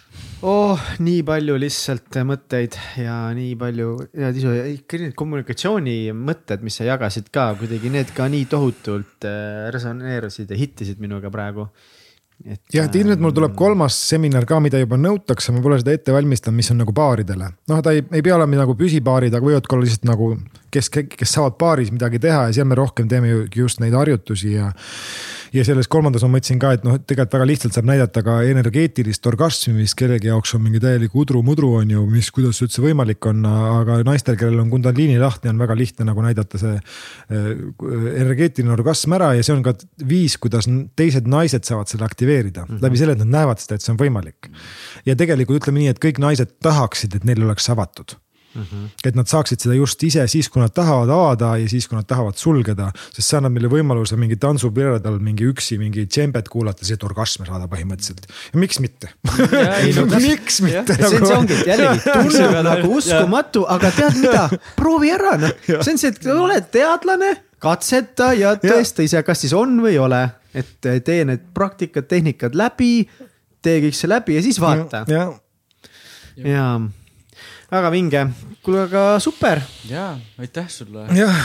väga mõnus oli jah oh. maailma, maailma kõige tähtsamaid äh, teemasid. väga hea, et sa sellest aru saad, mul on ka siuke tunne. ja onu Tom on võtnud selle oma südameasjaks, no mida sa veel tahad? ei, see on nagu tobe mingi reklaamida, seda ma ei viitsi nagu reklaamida, et ma ootan, kuni see mingi noh, et kui huvi tekib ja alati nii palju huvi on, et ma teen nagu, ma olen teinud noh, iga aasta mingi kuus-seitse seminari kahetunnist ja ma kuskile väga reklaami üles ei pane, aga mehed tulevad nagu kokku, aga ma ütlen, ma võiks teha teha kaks korda kuus vabalt seda mm. -hmm. sest mina arvan, et selle võiks nagu selle baasasja võiks läbi käia nagu igaüks, sest siis on vähemalt neil valik. praegu ei ole valikutki, vaata praegu nad ei tea, et see on võimalik, aga -hmm. siis nad pärast saavad valida, okei okay,, ma nagu ei vali seda või valin selle hiljem, et. näiteks mõnikord on, et on väga mingi töö stressirohke periood, ei taha võtta seda kõike ette veel. Eesti iibele see mõjub küll halvasti. väga halb. ja väljast järjest teadlikumaks muutub see asi, aga siis äh, väga meeldiv oli teiega. kuule, oota, aga millal sa oma Ramsi valmis teed, sest nagu mul on mm. nagu vaja lugema hakata. ma tean küll, plaan on sügiseks valmis teha. mul ilmselt on vaja üks kuu aega võib-olla sellega töötada, sest nagu teate, ma teen asju väga põhjalikult, ma olen ainult kaks raamatut välja andnud. aga ma nagu munen kaua ja siis ühe korra panen nagu käraka ära nagu selle Eluterve puhvisti ka, see munes mul tegelikult see sama sarnane raamat munes mul mingi mitu aastat mm. -hmm. kuni ta sai selle nime Eluterve puhvist, on ju. ja siis järsku see puh, tekkis, et, et ma loodan, et see sügiseks, sügiseks on kenasti valmis, sest enamus nagu nii-öelda materjali on olemas, ma ütlen, mul tahan lihtsalt teha hästi palju jooniseid, sest ma tahan, et see oleks hästi nagu lihtne lugeda. see on nii oluline, et oleks nagu sihukene vohav, lihtne, et sa vaatad mm, -hmm. et mhm. seal on nagu kõik nagu ära seletatud ja mul on see sõber ka Sefo Shambo, kes teeb seda tantricman.com'i, et mul on temalt ka palju materjali, mida ma saan siin integreerida, et. et mehed, kel, kes võib-olla jah, tahavad nagu ise äh, mingit konsultatsiooni või siis tantricman.com on sihukene koht, on ju, mis tegelikult baasõpetused on nagu samad, on ju, ja kuigi Eestis on see sõna tantra natuke ära solgitud mm, -hmm. on ju, siis tegelikult baasilt sellel ei ole midagi viga, see, et paar mingit õpetajat siia tulid, kes olid natukene nagu libedad, ei tähenda seda, et tantra kui selline on paha, on ju. Mm. et aga, aga ta on rikkunud selle nagu teadliku seksuaalsuse nagu maine ära ja siis ongi juba see, oo tantra mingi vend tuli, pani siin näpud ka ühele ja teisele sinna kohta on ju. et, et ärge kartke jah, seda, seda, seda sõna tantra, aga ometigi ma seda nii naljalt ei kasuta, sest ma mhm. tegelikult kasutan ka rohkem taoistlikke nagu baas. ma olen selle noh, ma olen kogu sellest tantrast nii-öelda need jumalused ja selle nihukese butafooria ja esoteerika välja mõelnud ja nüüd ma ei räägi. välja võtnud nagu jaa, sest see ei ole, seal baas ei ole see, et see on olemas, nurga alt. Vaatad, taoismis ei ole mingeid jumalusi nii väga. Mm.. Mantak Chia räägib puhtast inimenergeetikast, kuidas mingid energiat jooksevad ja see on kõik väga loogiline, füüsilised harjutused on ju, et see ongi see, et. et see ei ole mingi umma moodu siin on ju, vaid see no, on tegelikult. kõik teavad, et, et veri ju liigub kehas ringi noh. Ja, ja mingi energia peab selle liikuma panema. ja see, kuidas no. sa hingamisharjutustega tõmbad selle energia üles. no just, no näiteks kasvõi aga see liig-, jah. ja me paneme edasi, tšau. kuulge, davai ikka, väga vinge, tänan teid kõiki, musid, kallid püksi. ja, ja meestejutud.ee. meestejutud.ee ja kes tahab mu möla veel kuulata, siis eh, Patreonis on patreon.com, kaldkriips Tom Valsberg on mul seitse seda raadiosaadet, kus on mu uued laulud. Ja, ja praegu veel on kuueteistkümnenda juunini on mul Hooandjas projekt, kus tuleb mu uus ehm, plaat välja kaheteist lauluga ja kolme meditatsiooniga nii et eh, Hooandjast leiad selle, siis kuusteist juuni on tseremoonia, kus on ekstaatiline tantsupidu ja. kus see on? Eh, Laitses. Laitses jah Laitse graniitvillas, ma teen sihukest jah niisugust suuremat grandioosset üritust, mis koosneb nagu nii-öelda kontserdist pluss ekstaatilisest tantsust koos valguste ja värkidega, noh. kuusteist või? kuusteist juuni jah, mida ma olen saanud siis inspiratsiooni nendest Guatemala ja Ameerika festivalidest kus on noh, väga palju seda detailset vibe'i nagu välja, välja mõõdetud ja teine asi on siis Estonia festival, teine-kolmas äh, juuli, mis on selline, seda samamoodi Laitses ja kuhu soovitan kindlasti inimestel tulla ja. ja sest ka on ka kõikide nende asjadega tegeledes on hea, et kui sa oled nagu selles samas mullis natukene või noh mm., samas grupis, sest kui sa lähed, tuled nendele üritustele, siis vaimsusega ja teadliku seksuaalsusega tegelevaid inimesi, kellega rääkida ja peegeldada on seal palju rohkem ja mm. ütleme nii, et, et siin on meestel seda kambajõudu vaja, et vähesed nagu üksi, üksi Naised praktikatega veavad üle, aga kui teha, sellepärast on mingi meeste joogatunnid ja asjad väga head, et koos on kuidagi lihtsam. ega sellest nagu hirmust üle saada ja sellest piinlikkusest, et meestel on nii palju see habras ego, see ego on nii habras ja see panna ennast nagu, nagu sa ise ütlesid ka, sellisesse haavatavasse olukorda ja piinlikkust tunda, et see on ja. nii raske paljudele et et see on, me nagu... oleme õpetatud, me peame olema tugevad, me peame olema machod ja me ei saa aru, et, et kõige tugevam on see, kui sa julged ennast lasta haavatavasse mm.. korraks kuskil tead ETV otse-eetris nutta, vot see on kõige kõvem bänd nagu, tegelikult ka yeah. nagu. no on ju, et ja see ei tähenda seda, et sa nüüd kogu aeg nutaksid või lappaksid, aga sellel hetkel, kui see asi saabub, siis lased ennast whatever ja siis võtan ennast jälle kokku, on ju mm. -hmm. et, et jah, seda ma väga soovin meestele, et nad julgeks, et ega, ega nad ei saa väga sügavale nagu minna, kui nad just sellesse haavatavusse ja enda naisenergiaga nagu, nagu noh, tutvust ei tee sest see on ikkagi teine pool ja just need on ikkagi, kõik on ju ärimehed ja edukus ja kui, kui edukus, mitte siis vähemalt eneseareng on ju. et see on kõik maskuliinne energia. aga see haavatavus on seesama energia teine pool, mis teeb selle maskuliinsuse veel tugevamaks tegelikult.